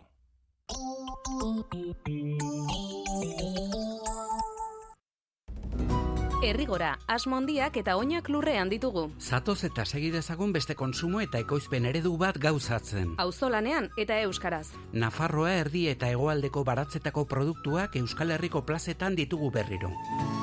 Bete despensa urte osorako oliba olioa, kontserbak lekalea, karroza, pasta. Informazioa eta eskaerak errigora.eus webgunean martxoaren hogeita marrer arte. Autoko giltza, agintea edo sarraia konpondu beharra duzu? Zerrajeria Beloso automobilaren sarraia gintza teknikoa. Autoko giltzekin duzun edo zein arazo konpondu dezakegu. Burlatan eta zerrajeriabeloso.es webunean aurkituko gaituzu. Mundu Karrikirik hogeita bosturte, maiatzaren zazpian larun bata arratsaldeko zortzietan, baluarteko kamara aretoan anari. Sarrerak, irubebikoitz, baluarte.comen. Agendari buruzko informazio guztia, irubebikoitz, karrikiri.eusatarian. Antzokia kulturelkartea, iruñeko udala, Nafarroako gobernua eta eusko jaurlaritzaren laguntzarekin. Karrikiri, iruñeko euskaldun ontopagunea, Xavier Karrikalau.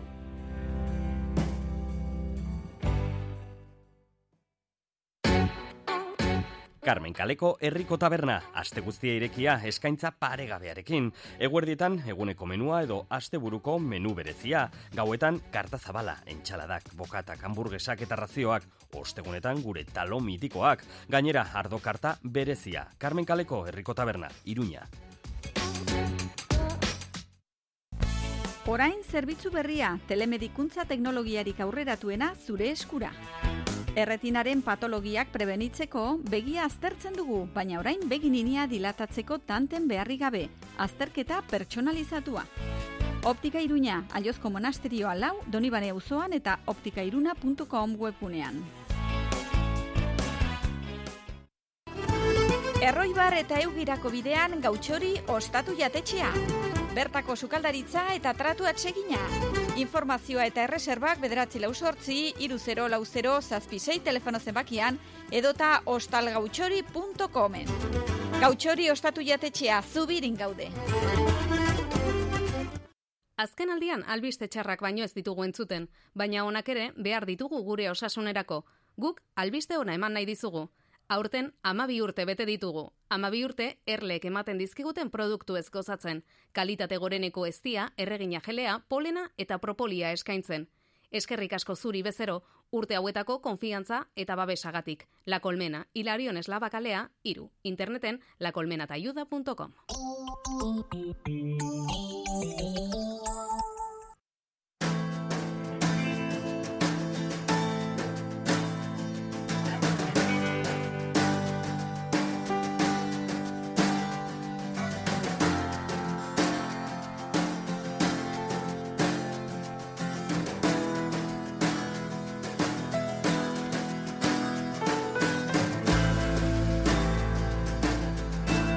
Goizeko amarrak eta zortzi minutu dira Euskal Herria irratiren sintonian jarraitzen duzu entzule Metropoli Forala zeharkatzen beste ordu batez goizeko magazina zurean gurean iritziaren tartea lehenik eta behin astelenero legez ordu honetan. Metropoli Foralean, minutu bateko manifestua. Xabi Lasa Gorraiz Euskara Teknikaria egun honetan nahi duzunean aurrera. Egun on bai, izena gogoratu nahi ez dudan Iruñerriko udalerri batean, helduden urteko lehen hezkuntzako matrikulazioak burutu berri dira. Iruñerriko udalerri horretaz landa, Nafarro osoan ere egin dira matrikulazioak. Udalerri horretan eunda berrogeita mar aur hiru urteko zeuden izena emateko.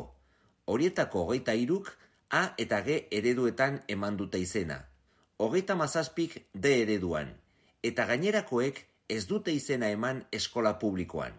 Pentsatzekoa da ikastetxe hitzartuetan egin dutela. Beraz, irurogeita mar ikasle inguru joanen dira eskola publikora, eta larogei inguru kontzertatuetara. Ikastetxe horretan ez da sekula horrelakorik gertatu, eta gauza bera gertatzen da iruñerria osoan. Datu hoi begira nire gogoetak dio iruñerrian gero eta elitistagoak garela, eta hezkuntza distantzia soziala markatzeko erabiltzen dugula. Maila sozial ertain batean gaudenok, ez dugu nahi gure semialabak etorkinekin edo gutxiengo etnikoekin nahastu, eta hezkuntza publikoa geto bihurtzen ari gara erremediori gabe. Xabi Lasa, mi eskera unitz eta datorren astera arte ongizan.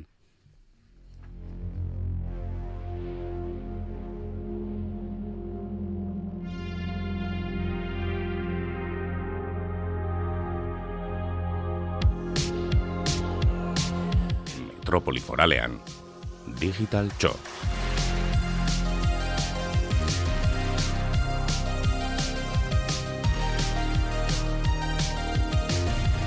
Martintxo Etxauri bideo sortzailea eta diseinatzaile grafiko iruindarra da, bideo mapina, grafika generatiboa eta instalazio interaktiboan aditua Martintxo Etxauri txo ez izenez e, gurean bederatzi puntu zero jauna egunon.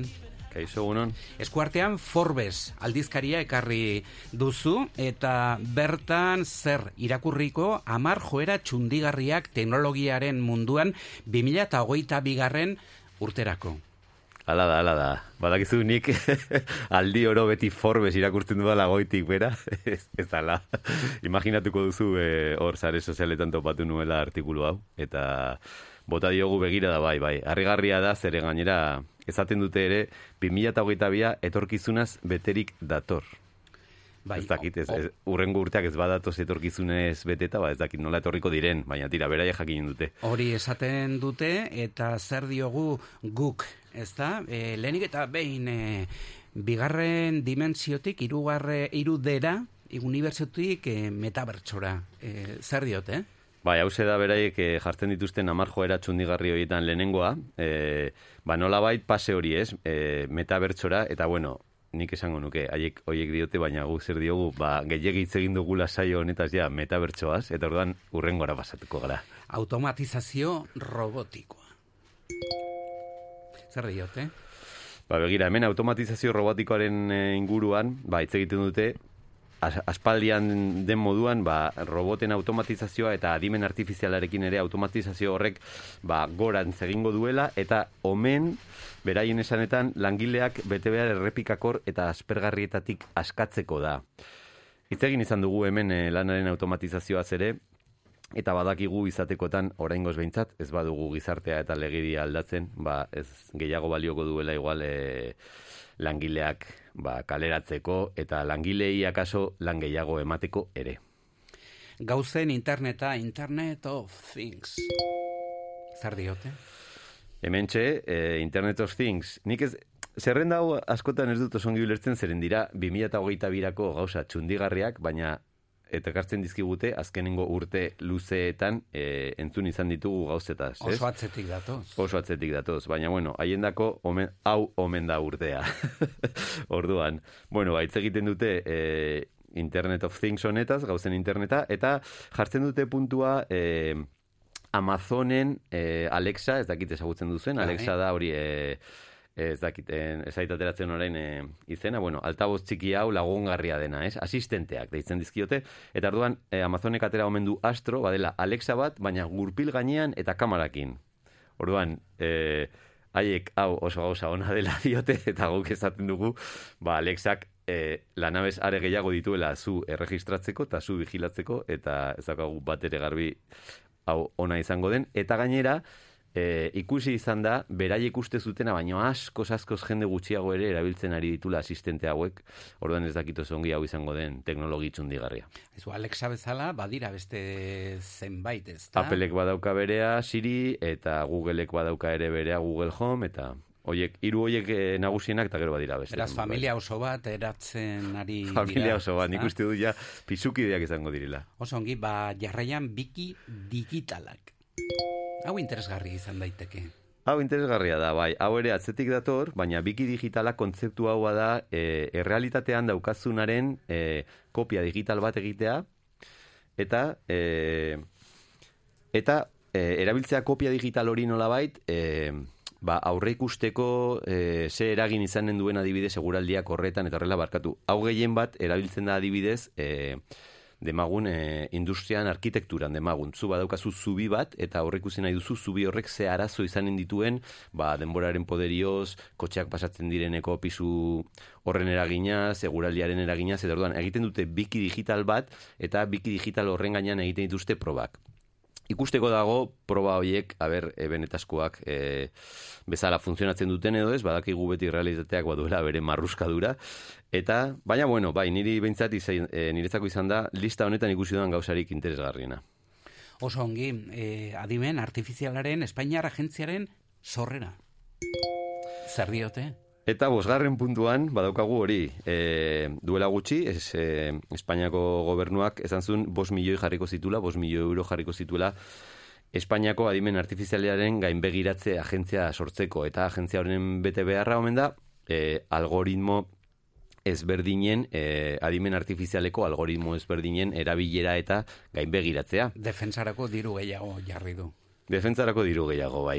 Hau ere, defentsatzat hartu genezake, baina bueno, Hori da, defentsarako... defe- defentsa eta teknologia oso, oso lotuta daudela. ikusi gonuen moduan aurreko aurrekoan. Orduan zer da, e, besteak beste, artikuluan aipatzen dute Siri edo Alexa, ez, oraintxe hitz egin dugun e, asistente hauetaz, Siri edo Alexa eta olakoak e, gainbegiratzeko, eta nik esaten dut, bueno, e, akaso niretzako oso ongi dago e, e, Espainiako gobernuak agentzia bat jartzea algoritmoa gainbegiratzeko, baina Siri edo Alexa bezalako algoritmoak gainbegiratu nahi badituzte, nik uste dut batetik jai dutela, eta bestetik legeak ere aldatu beharko zituztela guzti hori lortzeko.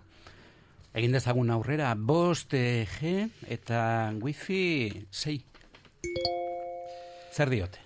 Ba hemen berriro ere, atzetik eh, ekartzen dugun beste zerbait bada, ez dakit zergatik 2022 izan den honen urtea, baina haiek, bueno, aipatzen dute, hori, eh, lehen hitz egin dugun eh, Internet of Things hau, aipatzen dute Smart Cities edo, ez, eh, hiri azkarrak edo, bueno, hiri digitalizatuak, ez, hirien digitalizazio hori, eta nik hemen ikusten dut betikoa. E, ikusten dugun, e, irakurtzen dugun einean, e, bat, osea, irakurtzen dugun bakoitzean, norbaitek nahi digula 5G azaldu, asko kostatzen zaie, benetan jartzea mai gainean e, benetako e, erabileraren adibideak. Eta beti biltzen dira gauza astratuak izaten. Ez Internet of Things Smart City auta beste ba, baina zertarako. Eta azkenean ikusten dugu e, badela guk gure telemugikorretan gauzak azkarrago izateko. Ez dakit oso ongi zertarako behar ditugun azkarrago. Gehien bat e, honek utziko duen astarna ekologikoa kontutan hartuta. Eta bestela ba bai e, ba, erabilera kasu konkretu batzuk izan ditzazke, baina erabilera kasu konkretu egiterako ez dugu behar alako sare e, mundiala eta talet, eta nik ez dut bat ere garbi noraino nora helduko den guzti hau. Egin dezagun aurrera, erreseina faltzuen akabera. Zer diote?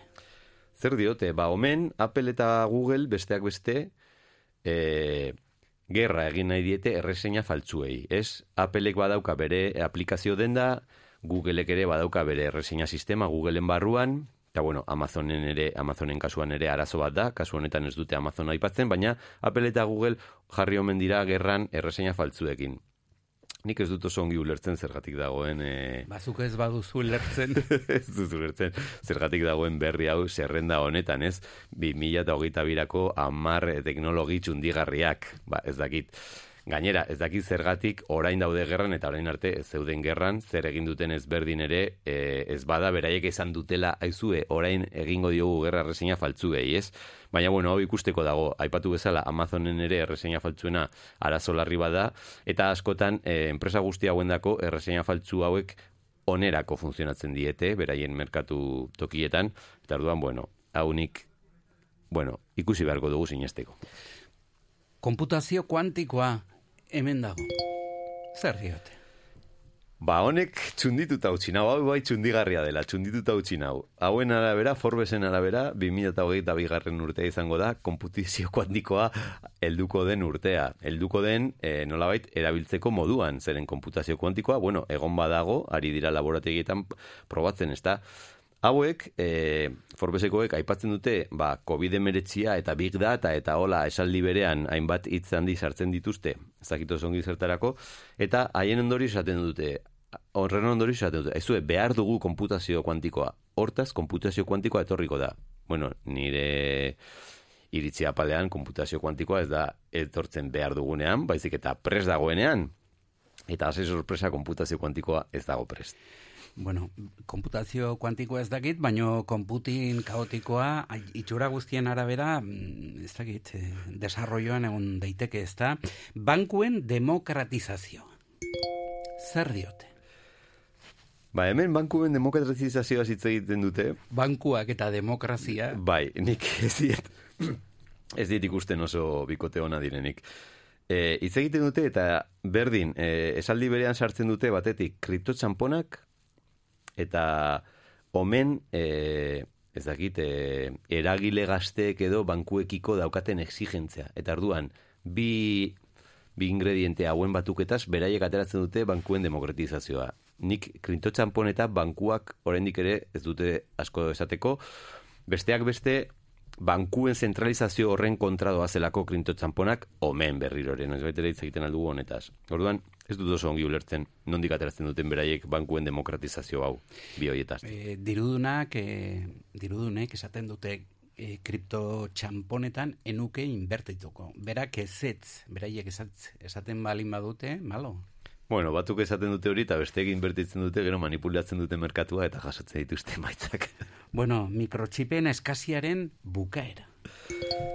Zer eta gure teknologi txundigarrien e, 2008 birako zerrenda honetan, e, Forbesek sartuzun mikrotxipen eskasiaren bukaera. Mikrotxipen eskasiaren bukaera teknologi bat denez, nik hori ez daukat oso garbi mikrotxipa, bai, baina hauen bukaera, zer gertatzen da, ba, Samsungek, ez, Samsung enpresa batek, esan omen du 2008 birako arazo hori bukatuko dela. Zertan oinarrituta, ba, ez dute oso garbi ezaten. Baina Samsungek esaten duenez, ba, pentsatuko dugu. Zer gertatzen da, ba, etengabean ari garela garatzen e, teknologi gehiago, pentsa aurreko zerrende, osea, zerrendaren aurreko puntuetan ikusi izan dugu hitz egiten Internet of Things eta Smart Citytaz, eta ez dugu kontutan hartzen guzti horrek zenbat mikrochip eskatzen dituen, eta gainera jende asko badabila e, nola baita bizatzen e, mikrotxipak eta teknologika txarro guzti hauek erabiltzen dituzten metal arraroak eta oso e, ingrediente ezberdinak hasi direla ja pizkat eskazian eta gero eta saiagoak izaten lurretik ateratzeko eta hor arazo bat izanen dugula. Orduan, nik ez dakit Samsungek esanagatik mikrotxipen eskasi hori bukatuko den. Zer gertatuko da teknologiaren munduan, ez da? E, ez dakigu apenas edo e, pista batzuk ematen dizkigute, batzutan e, giazkoak izan daitezke, bestelakoetan gezurrezkoak, zergatik? Ba, bueno, hemen beti saldu, saldu nahi dizkigute gauzak nire ustez, ez da? Eta orduan besteak beste gure krisi klimatiko honetan saldu izan nahi digute ere adibidez, e, digitalizazioa eta sostenibilidadea, ez, elkarrekin doa zela, eta hori ere saltzeko baino beste beste zera bat ez da. Orduan, egia zan, alako zerrendek, nik uste dut, e, zerbait egiten badute da despistatzea. Izan ere, ikusi dugu, amar putuetatik gehienak direla nahiko nahiko nahiko ero niretzako behintzat, bai, erdi egiak, erdi, erdi desirak eta eta erdi gezurrak denak batera. Sakelako telefonoa izorratu zait, e, bihar edo etzi erostekotan nabil, zer erosiko dut? Ba, begira, zer erosenik ez dizut esango, baina nik adibidez uste du gomendio hon badela bigarren eskuko bat erostea. Leku, konfiantzazko leku batean. Konfiantzazkoa. Bai, bai, ezan edut, ez gualapo pensartu eta dozin erosi, baina, bueno, badaude dendak eta badaude tokiak e, urte bat, bi urte garantia ematen dizutena, eta hori adibidez, kasu honetan izango litzateke, batetik ekologikoena. Hori ez dut egin, seguro. hori da nik egiten duana, eh, kasu. Bai? Bai. Bai, bai, eta telefono onak lortzen dituzu. Bueno. Baina zuk oso telefono e, berexiak erabiliko dituzu zure lan horretarako, ezta? Bueno, nik erabiltzen ditut, e, disclaimer erabiltzen ditut normalean iPhoneak, baina beti dira oso zaharrak, osea oso modelo zaharrak eta bigarren eskukoak. Eta ordenagailuak bizpairu izango dituzu etxean, ezta? Bueno, pare bat. Pare bat. Horri buruz beste batean hitz eginen dugu, mila esker gurekin izateagatik Martintxo Etxauri bideo sortzailea eta diseinatzaile grafiko iruindarra, gurean bederatzi puntu zero, jauna eta nahi duzun arte ongizan. Mila esker zuei, agur. Agur. Zure negozioari bultzada eman nahi diozu? Ekitaldi baterako deia zabaldu nahi duzu? Jarri iragarkia zurean, gurean, Euskal Herria irratian. Idatzi, publi, abildua, euskalherriairratia.eus elbidera. Edo deitu, bederatzi lau sortzi, bat zazpi, 0 bat, bost bat, telefono zenbakira. Publizitatea, bertatik bertara.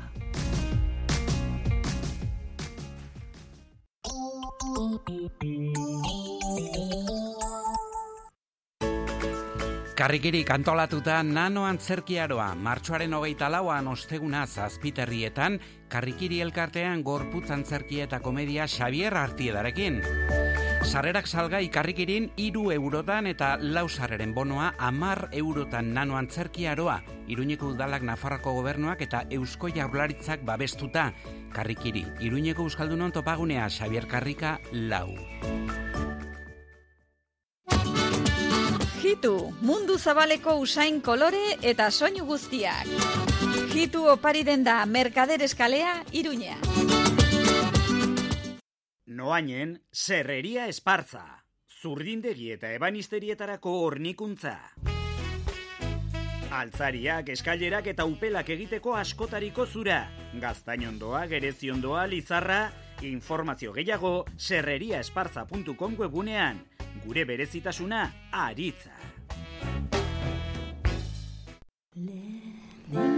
Karrikiriko hogeita bost urte maiatzak amar aste artea arratzaldeko zazpietan laban, olatu arteko txalupa arraroa ikuskizun musikatua eta poesia errezitaldia Ines Osinaga musikariarekin eta Joseba Sarreonandia idazlearekin. Sarrerak amar euroan salgai karrikirin agendari buruzko informazio guztia karrikiri.eu satarian, laba Iruñeko udala Nafarrako gobernua eta Eusko Jaurlaritzaren laguntzarekin karrikiri Iruñeko Euskaldunon topagunea, Xabier Karrika lau. Irurteren ondoren bueltan da Doktor Deseo maketoen iraultzarekin. Martxoaren hogeita zeian tote maretoan izango da Francis bere taldearekin. Ez galdu aukera, sarrerak salgai, salatoten.com. Iluntzero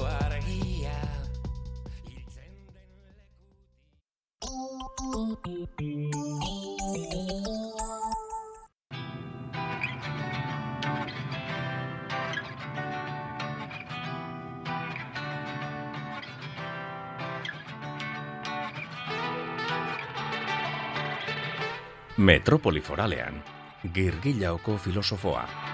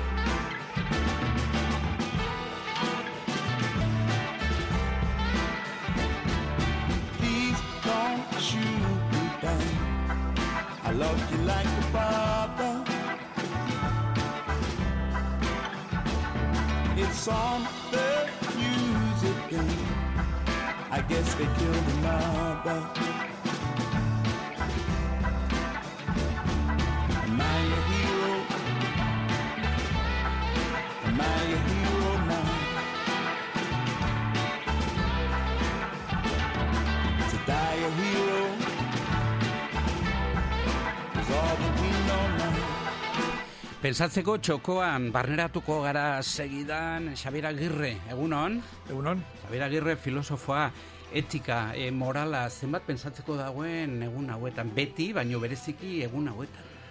Bai, da, e, errealitatearen aurrean e, ikuspegi bat, da etika eta morala, baino ez dakit, e, gero eta gehiago geopolitika hitz egiten ari gara, eta etika eta moralaz gutxiago. Dena den, nik uste dut dena nazian, e, bueno, batzutan gauzak ulertzeko ongi dago, e, ongi bereiztea, baino dena nazian ere ikusi ditu. Real politik, izan daiteke aste honetan gure mintzagaia, Sahara, Ukrainia, Zarrak berri. Bai, e, ama egunetan e, diskurso batzuk e, nolabait e, batzuen e, azpikoa ikusi da, ezta?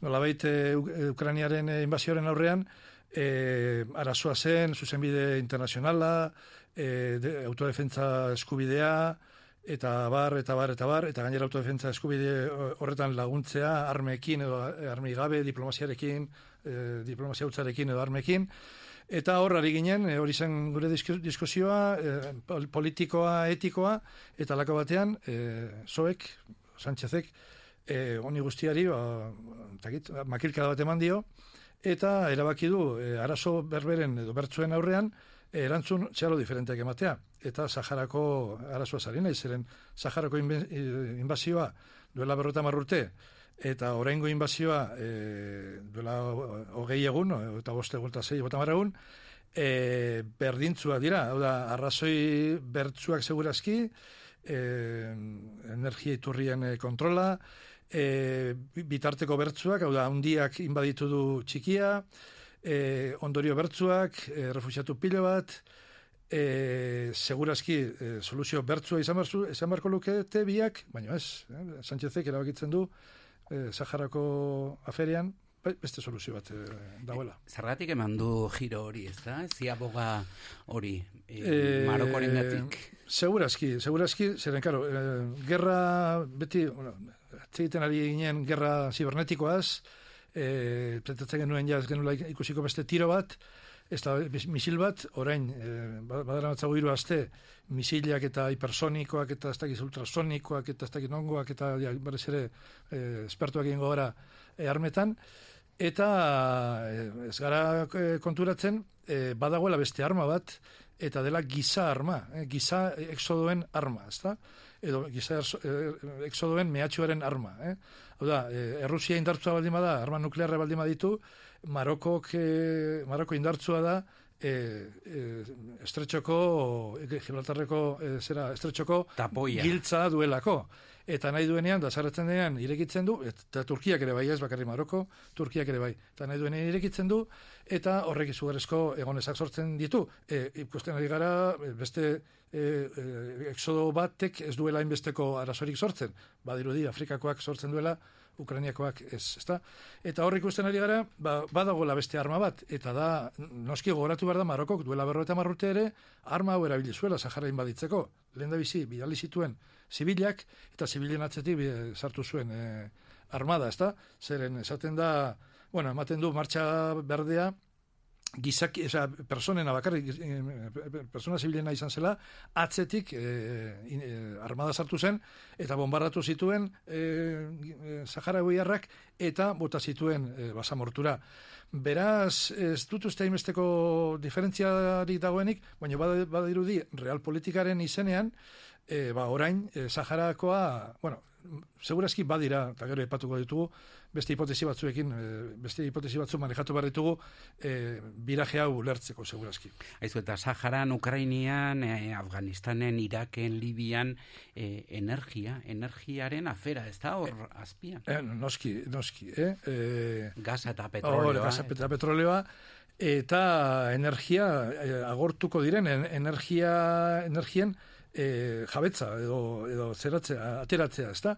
Oso sintomatikoa da, adibidez, eh, orain eh, barrialde petroliferoak, Arabia Saudi, Emiratoak, eta ez dira, ongi, ez daude eroso, zeren, eh, ez dakit zer, ez dira kokatzen adibidez Errusiaren eh, aurka, ezta? Oso garbi.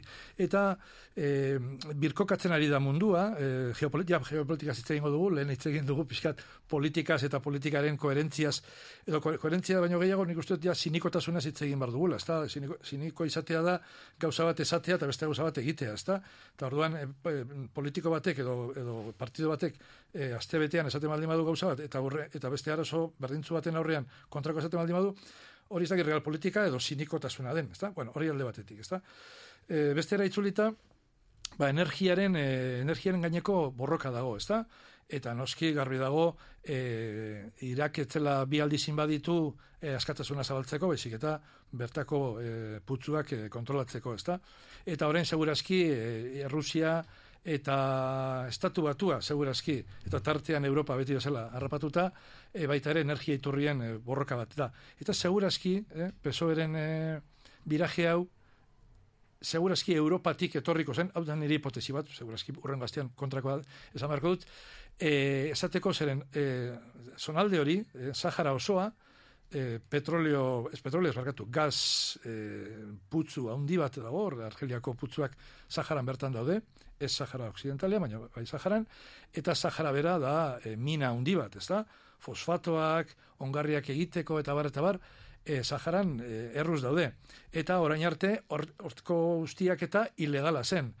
Orain, konpoketa batera, alegatzen baldin bada, ez dakit ze parteak hartuko duten parte konpoketa horretan, e, e, energia iturri eta eta lehen gaien iturri e, haundia, etorriko da, eta segurazki alternatiba moduan, pentsatzen dut nik, eh, hipotesi moduan botatzen dut, ba, e, hemendik urte askotan, segurazki e, Errusiako e, lehen gaiak erabiliko ez ditugulako Europa sari naiz, eh?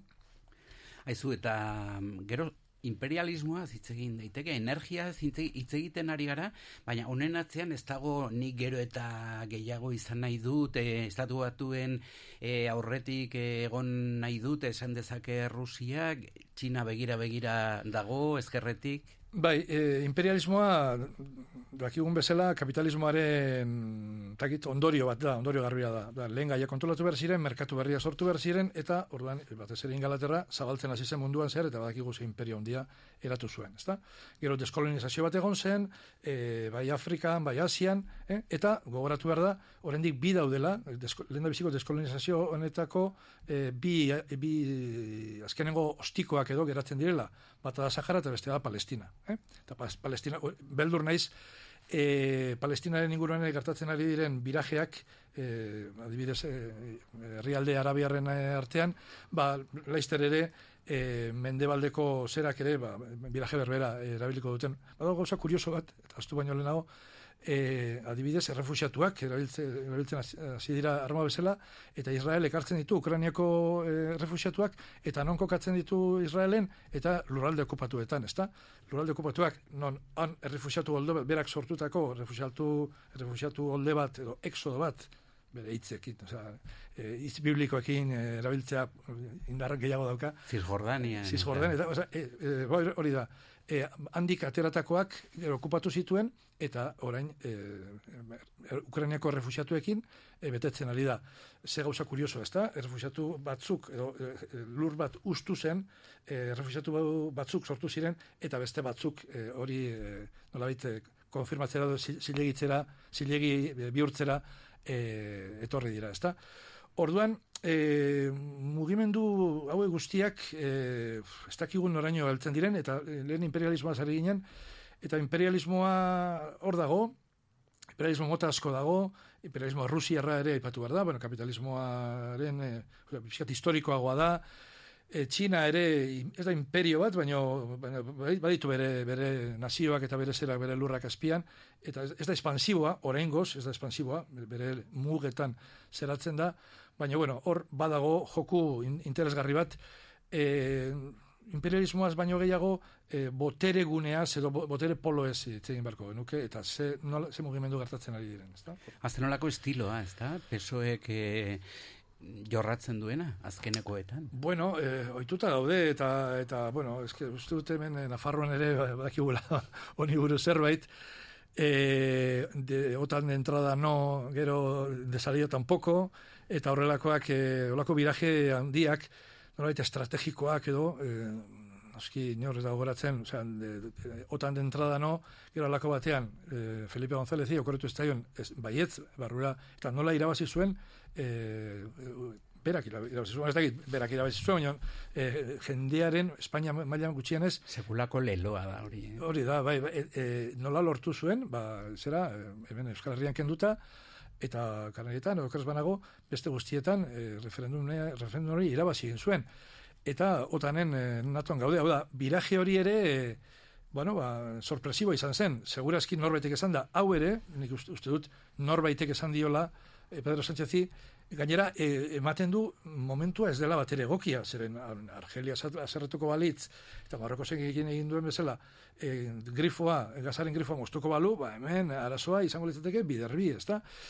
Ez dakit ezote den, hau dena oso kontrolatua, eta dena mm, desiente hitz da egotea, e, segurazki Europako beste, beste zerekin, Alemaniarekin, Frantziarekin, eta Argeliare enteratuta egotea. Ez dakit, eh, ez dakit. E, baina, urrengo astean kontrako esango dut dakitxo. Aizu munduko bola, eskuartean daukagu, Amerikako estatu batuak e, infernu honen aurrean, e, bos mila kilometrora, zer eroso dauden, ez da? Oso ongi, baina beti egin dute berdina, ez da?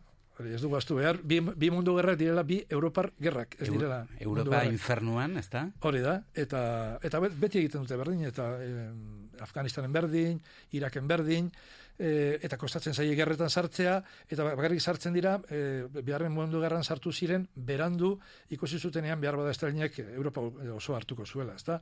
E, gero Japon sartu zuten e, gerran, edo Japonek sartu zuen gerran, bueno, dena dela, ez da? Historia egitea post, e, postok egitea oso horreza da, ezta? E, gertatutakoak azaltzea. E, orain ez, momentu horreta horietako batean gaude, non gauza gertatzen ari diren, susmatzen dugu nondi, baina ez dakigu nondik aterako diren e, gauzak, ezta? Aizut denak Putinen kontra. Ia denak, ezta? Bai, e, Putinen kontra, baita ere beste arma bat, epatu dugu, e, zera, e, refusiatuen arma, baina baita ere beste arma bat dago, eta arma komunikatiboa, ezta? E, komunikazioan dagoen e, zera, ezta? E, eta horretan, ba, mendebalda oso eroso mugitzen da, ezta? Egiten ditu bere zerak, bere eroeak, bere bilanoak, oso ondi funtzionatzen du, horren badugu e, bilano bat, e, Putin, badugu eroe bat, e, Zelenski, e, oso ongi mugitzen dena, e, egunero bere, utakit, e, bere ekintzak egiten ditu, e, ez dakit, ba, nola edo ala egiten ditu, ez da? Bideoa grabatzen ditu, ditu, kalean kalera ateratzen da, hitz egiten du parlamentuetan, e, eta horrela, ba, pizkanaka, pizkanaka, e, gutxienez gerra komunikatiboa irabazten ari da. E, errealitate, guk e, komunikabidetan ikusten dugun errealitatea benetan gertatzen dena da, edo deformatua guk ere badaukagu, naiz eta ba, askatasuna izan, eta bar, eta bar, eta badakigu, dena den, eh, atzo bertan, okeraz banago, e, Ukranian e, amabos partido politiko ilegalizatu ziren, ezta? Bueno, e, gerran, gerran daude, e, denak ziren pa- partido e, eskerrak, ezta? Eskertierrak. E, gerran daude, eta, bueno, nien ez orain e, sartuko zer eta nolabait, gauza batzuk dekantatzen ari dira, eta orain ez dugu astu behar, e, inbaditzen ari direla, agresio handi bat dagoela, Ukrainiarrak e, bere herriaren jabe direla, eta bereiek erabaki barrutela zer egin, baina ikusten ari garen eh, mugimendu eh, paralelo edo periferiko hauek ere kontuan izan behar ditugu, eta Putin, ba, bueno, ba, ba, hori da, e, autoritario bat, satrapa bat izan daiteke, baina Mohamed e, zeigarrena ere bai, ezta? Eta horra ari gara, horrengoan joango da, e, bizitatzera Pedro Sánchez, eta inork ez dio kasurik, eta noski, e, hor dago beste errege merito bat, beste monarkia e, superdemokratiko ba- batzuetan e, babestua, ezta? Inork ez du ezer esan horren inguruan. Beraz, ba, real politika hau da bi sinikotasuna praktikatzea argi eta garbi. Hori da, gauza bat dela politika, ideologia, baloreak, eta beste bat e, egunean eguneko politika. garbia. Dirua, energia, bai, hori da, bai, bai. Oso ongi, ba, Xabier Agirre, filosofoa, nahi duzun arte, ongi Vale, ba, aurren arte. Agur. Agur. Zure negozioari bultzada eman nahi diozu? Ekitaldi baterako deia zabaldu nahi duzu? Jarri iragarkia zurean, gurean, Euskal Herria irratian. Idatzi, publi, abildua, euskalherriairratia.eus elbidera. Edo deitu bederatzi lau zortzi bat zazpi 0 bat bost bat telefono zenbakira. Publizitatea bertatik bertara.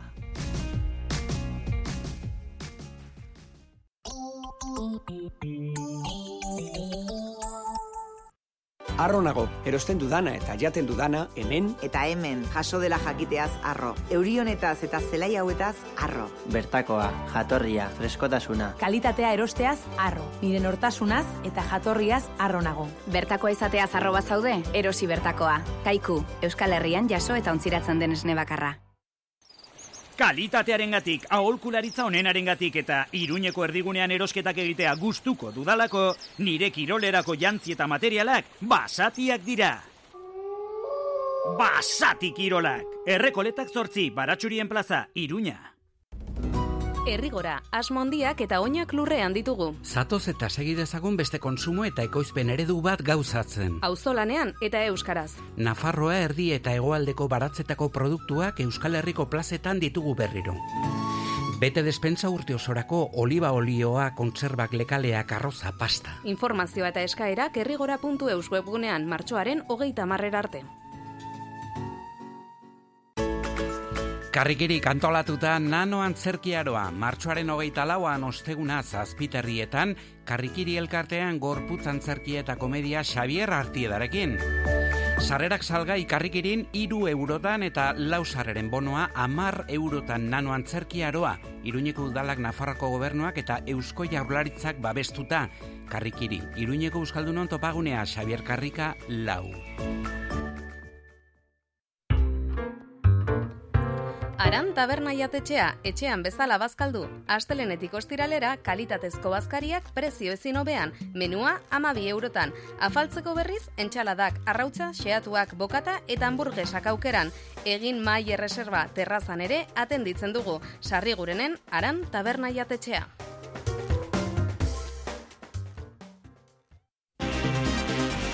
Planikop, fotokopiak txuri beltzean. Fotokopiak koloretan. Planoak. Era guztietako kuadernatze lanak. Imprenta laisterra. Kamisetak. Donibane auzoaren erdi erdian gaude. San Alberto Magno kalearen seian. Planikop, zure kopistegia.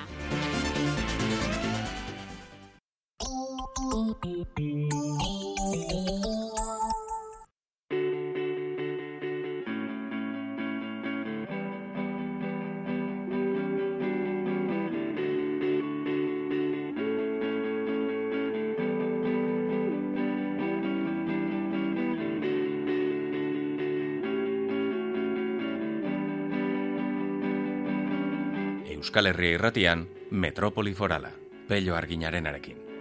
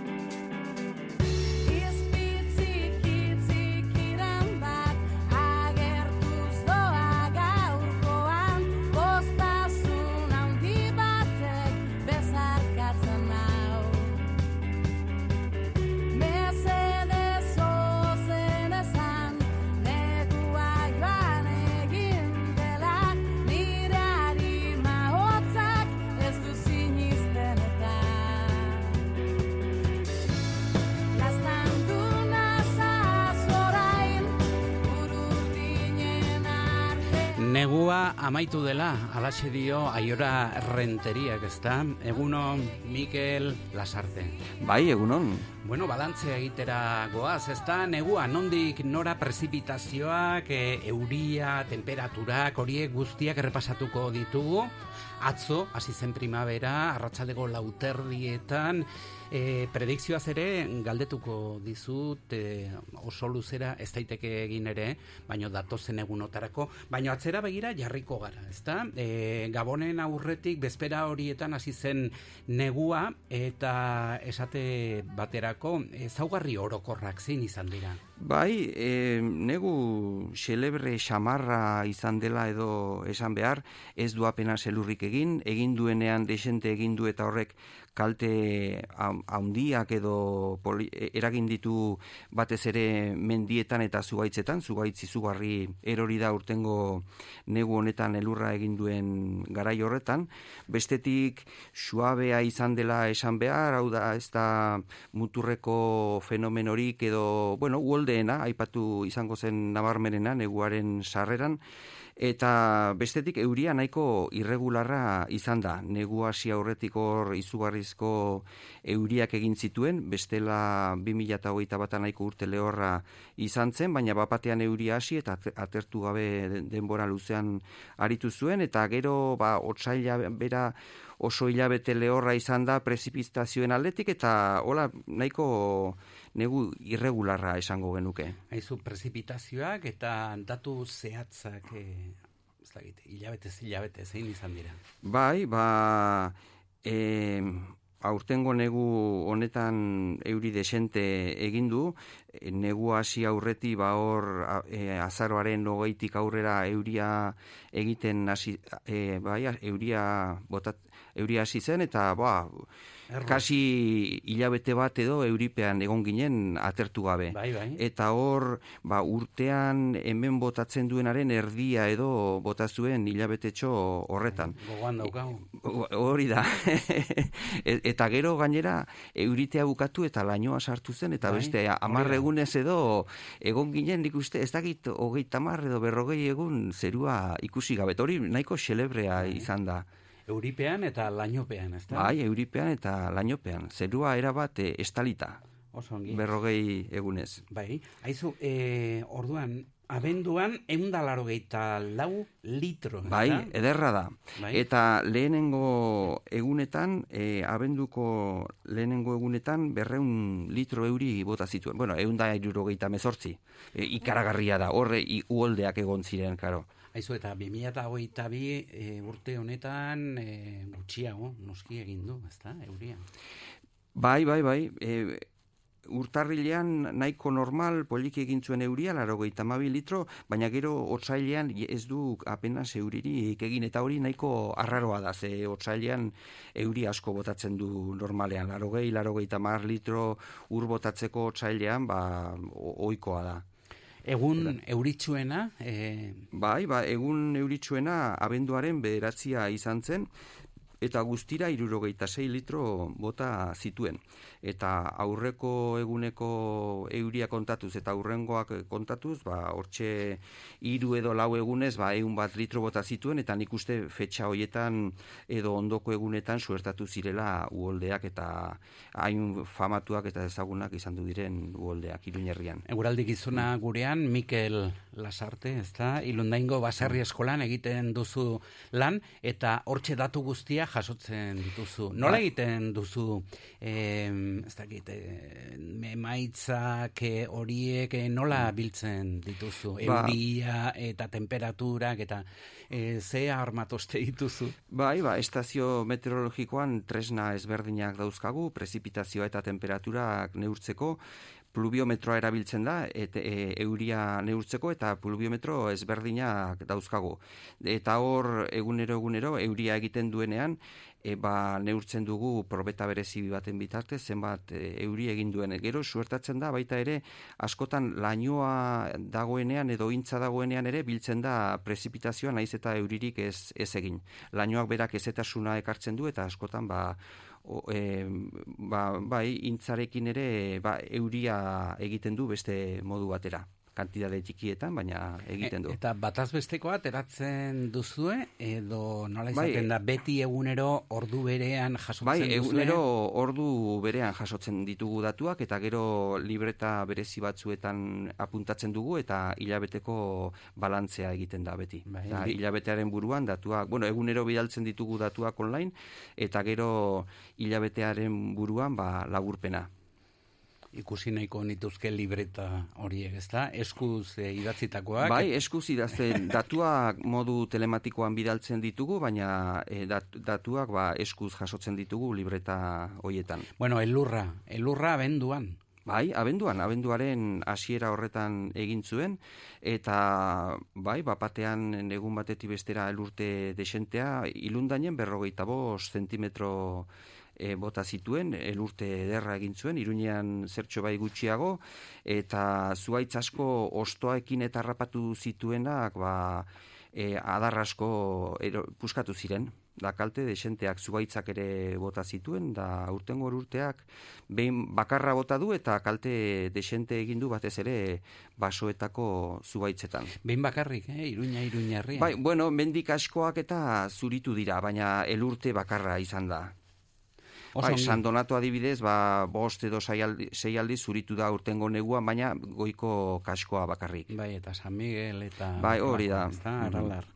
Oso ongi, haizu, e, termometroari erreparatuko diogu Mhm. segidan temperatura e, guztira, e, zero azpitik zenbat egun? Bai, hogeita malau egun. Aurreko neguetan baino zertxo bai gehiago, zero azpiko egon gara zero azpiko temperaturetan. Da, e, bueno, abenduan beheratzi egun izan ziren, eta batez ere urtarrila izan zen hilabete hotza. Urtarrilean, ba, hogei egunetan egon ginen zero zazpiko temperaturekin.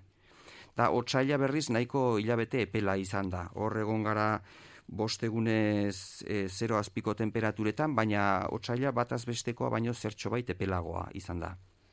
Oso ongi, ba, neguko egunik otzena, e, urtarrilaren hogeita bia. Bai, kasi bos gradu, zero azpitik. Bai, eta egunik beroena zein izan da? Ba, otsailaren, otsailean e, suertatu da egunik beroena, bian hain zuzen ere, e, e, kasi emeretzi gradu. Mar, Garai- martxoa epeletik dijoak igu? Bai, e, e, egun hauetan egoa jotzen du eta nahiko epela, bai. Udaberria ja hortxe etorri ailegatu da eta bai, zuaitzak eta loreak e, ugari ikusten dira ja. Temporak oraindik ere sinisten dituzu. bueno, erreparatzen dut eta e, baina aurten pasa egin zait, egia esan Bai. behar badut. Bai, Bueno, gehiegi ez duzulako sinisten agian, ezta? Lanpetutan abil, batera eta bestera, eta Bai. denetarako... Aizu, izen propio bat, pello zabala joan zitzaigula, Bai, ezta? pena handia, pena handia gizon jakintxua zen, meteorologia e, zientifikoaz eta tra- tradizionalaz izugarri zekien, eta biak oso ongi uztartzen zituen, eta, bueno, berarekin ikasi, asko eta asko ikasi dugu. Ilundaingo baserri eskolako zuzendaria mi esker gurekin izateagatik eta segi em, gurean e, eguraldi eguna eguraldi gizona izanez. Negua Ba- joan data. Aizu, em, urrengo unetarako zer? E, bihar etzi etzi damu. Bai, nik uste euri pixka bat egingo duela, baina zera haundiri gabe, prezipitazioa haundiak ez ditu botako, eta, bueno, e, zeruak erdi estalita edo egongo direla iruditzen Bai, zait. nik hori esaten ere badakit. eh? bai, nahiago dut susmoari jarraitu eh, bueno, informazio zehatza baino Bai, bihar, bihar epeletik e, joanen da temperatura eta agian prezipitazio, prezipitazio pixka bat eginen du arratsalderako e, eltiempo.es. Gero arte eta ongi izan. Agur. Agur, agur. aio.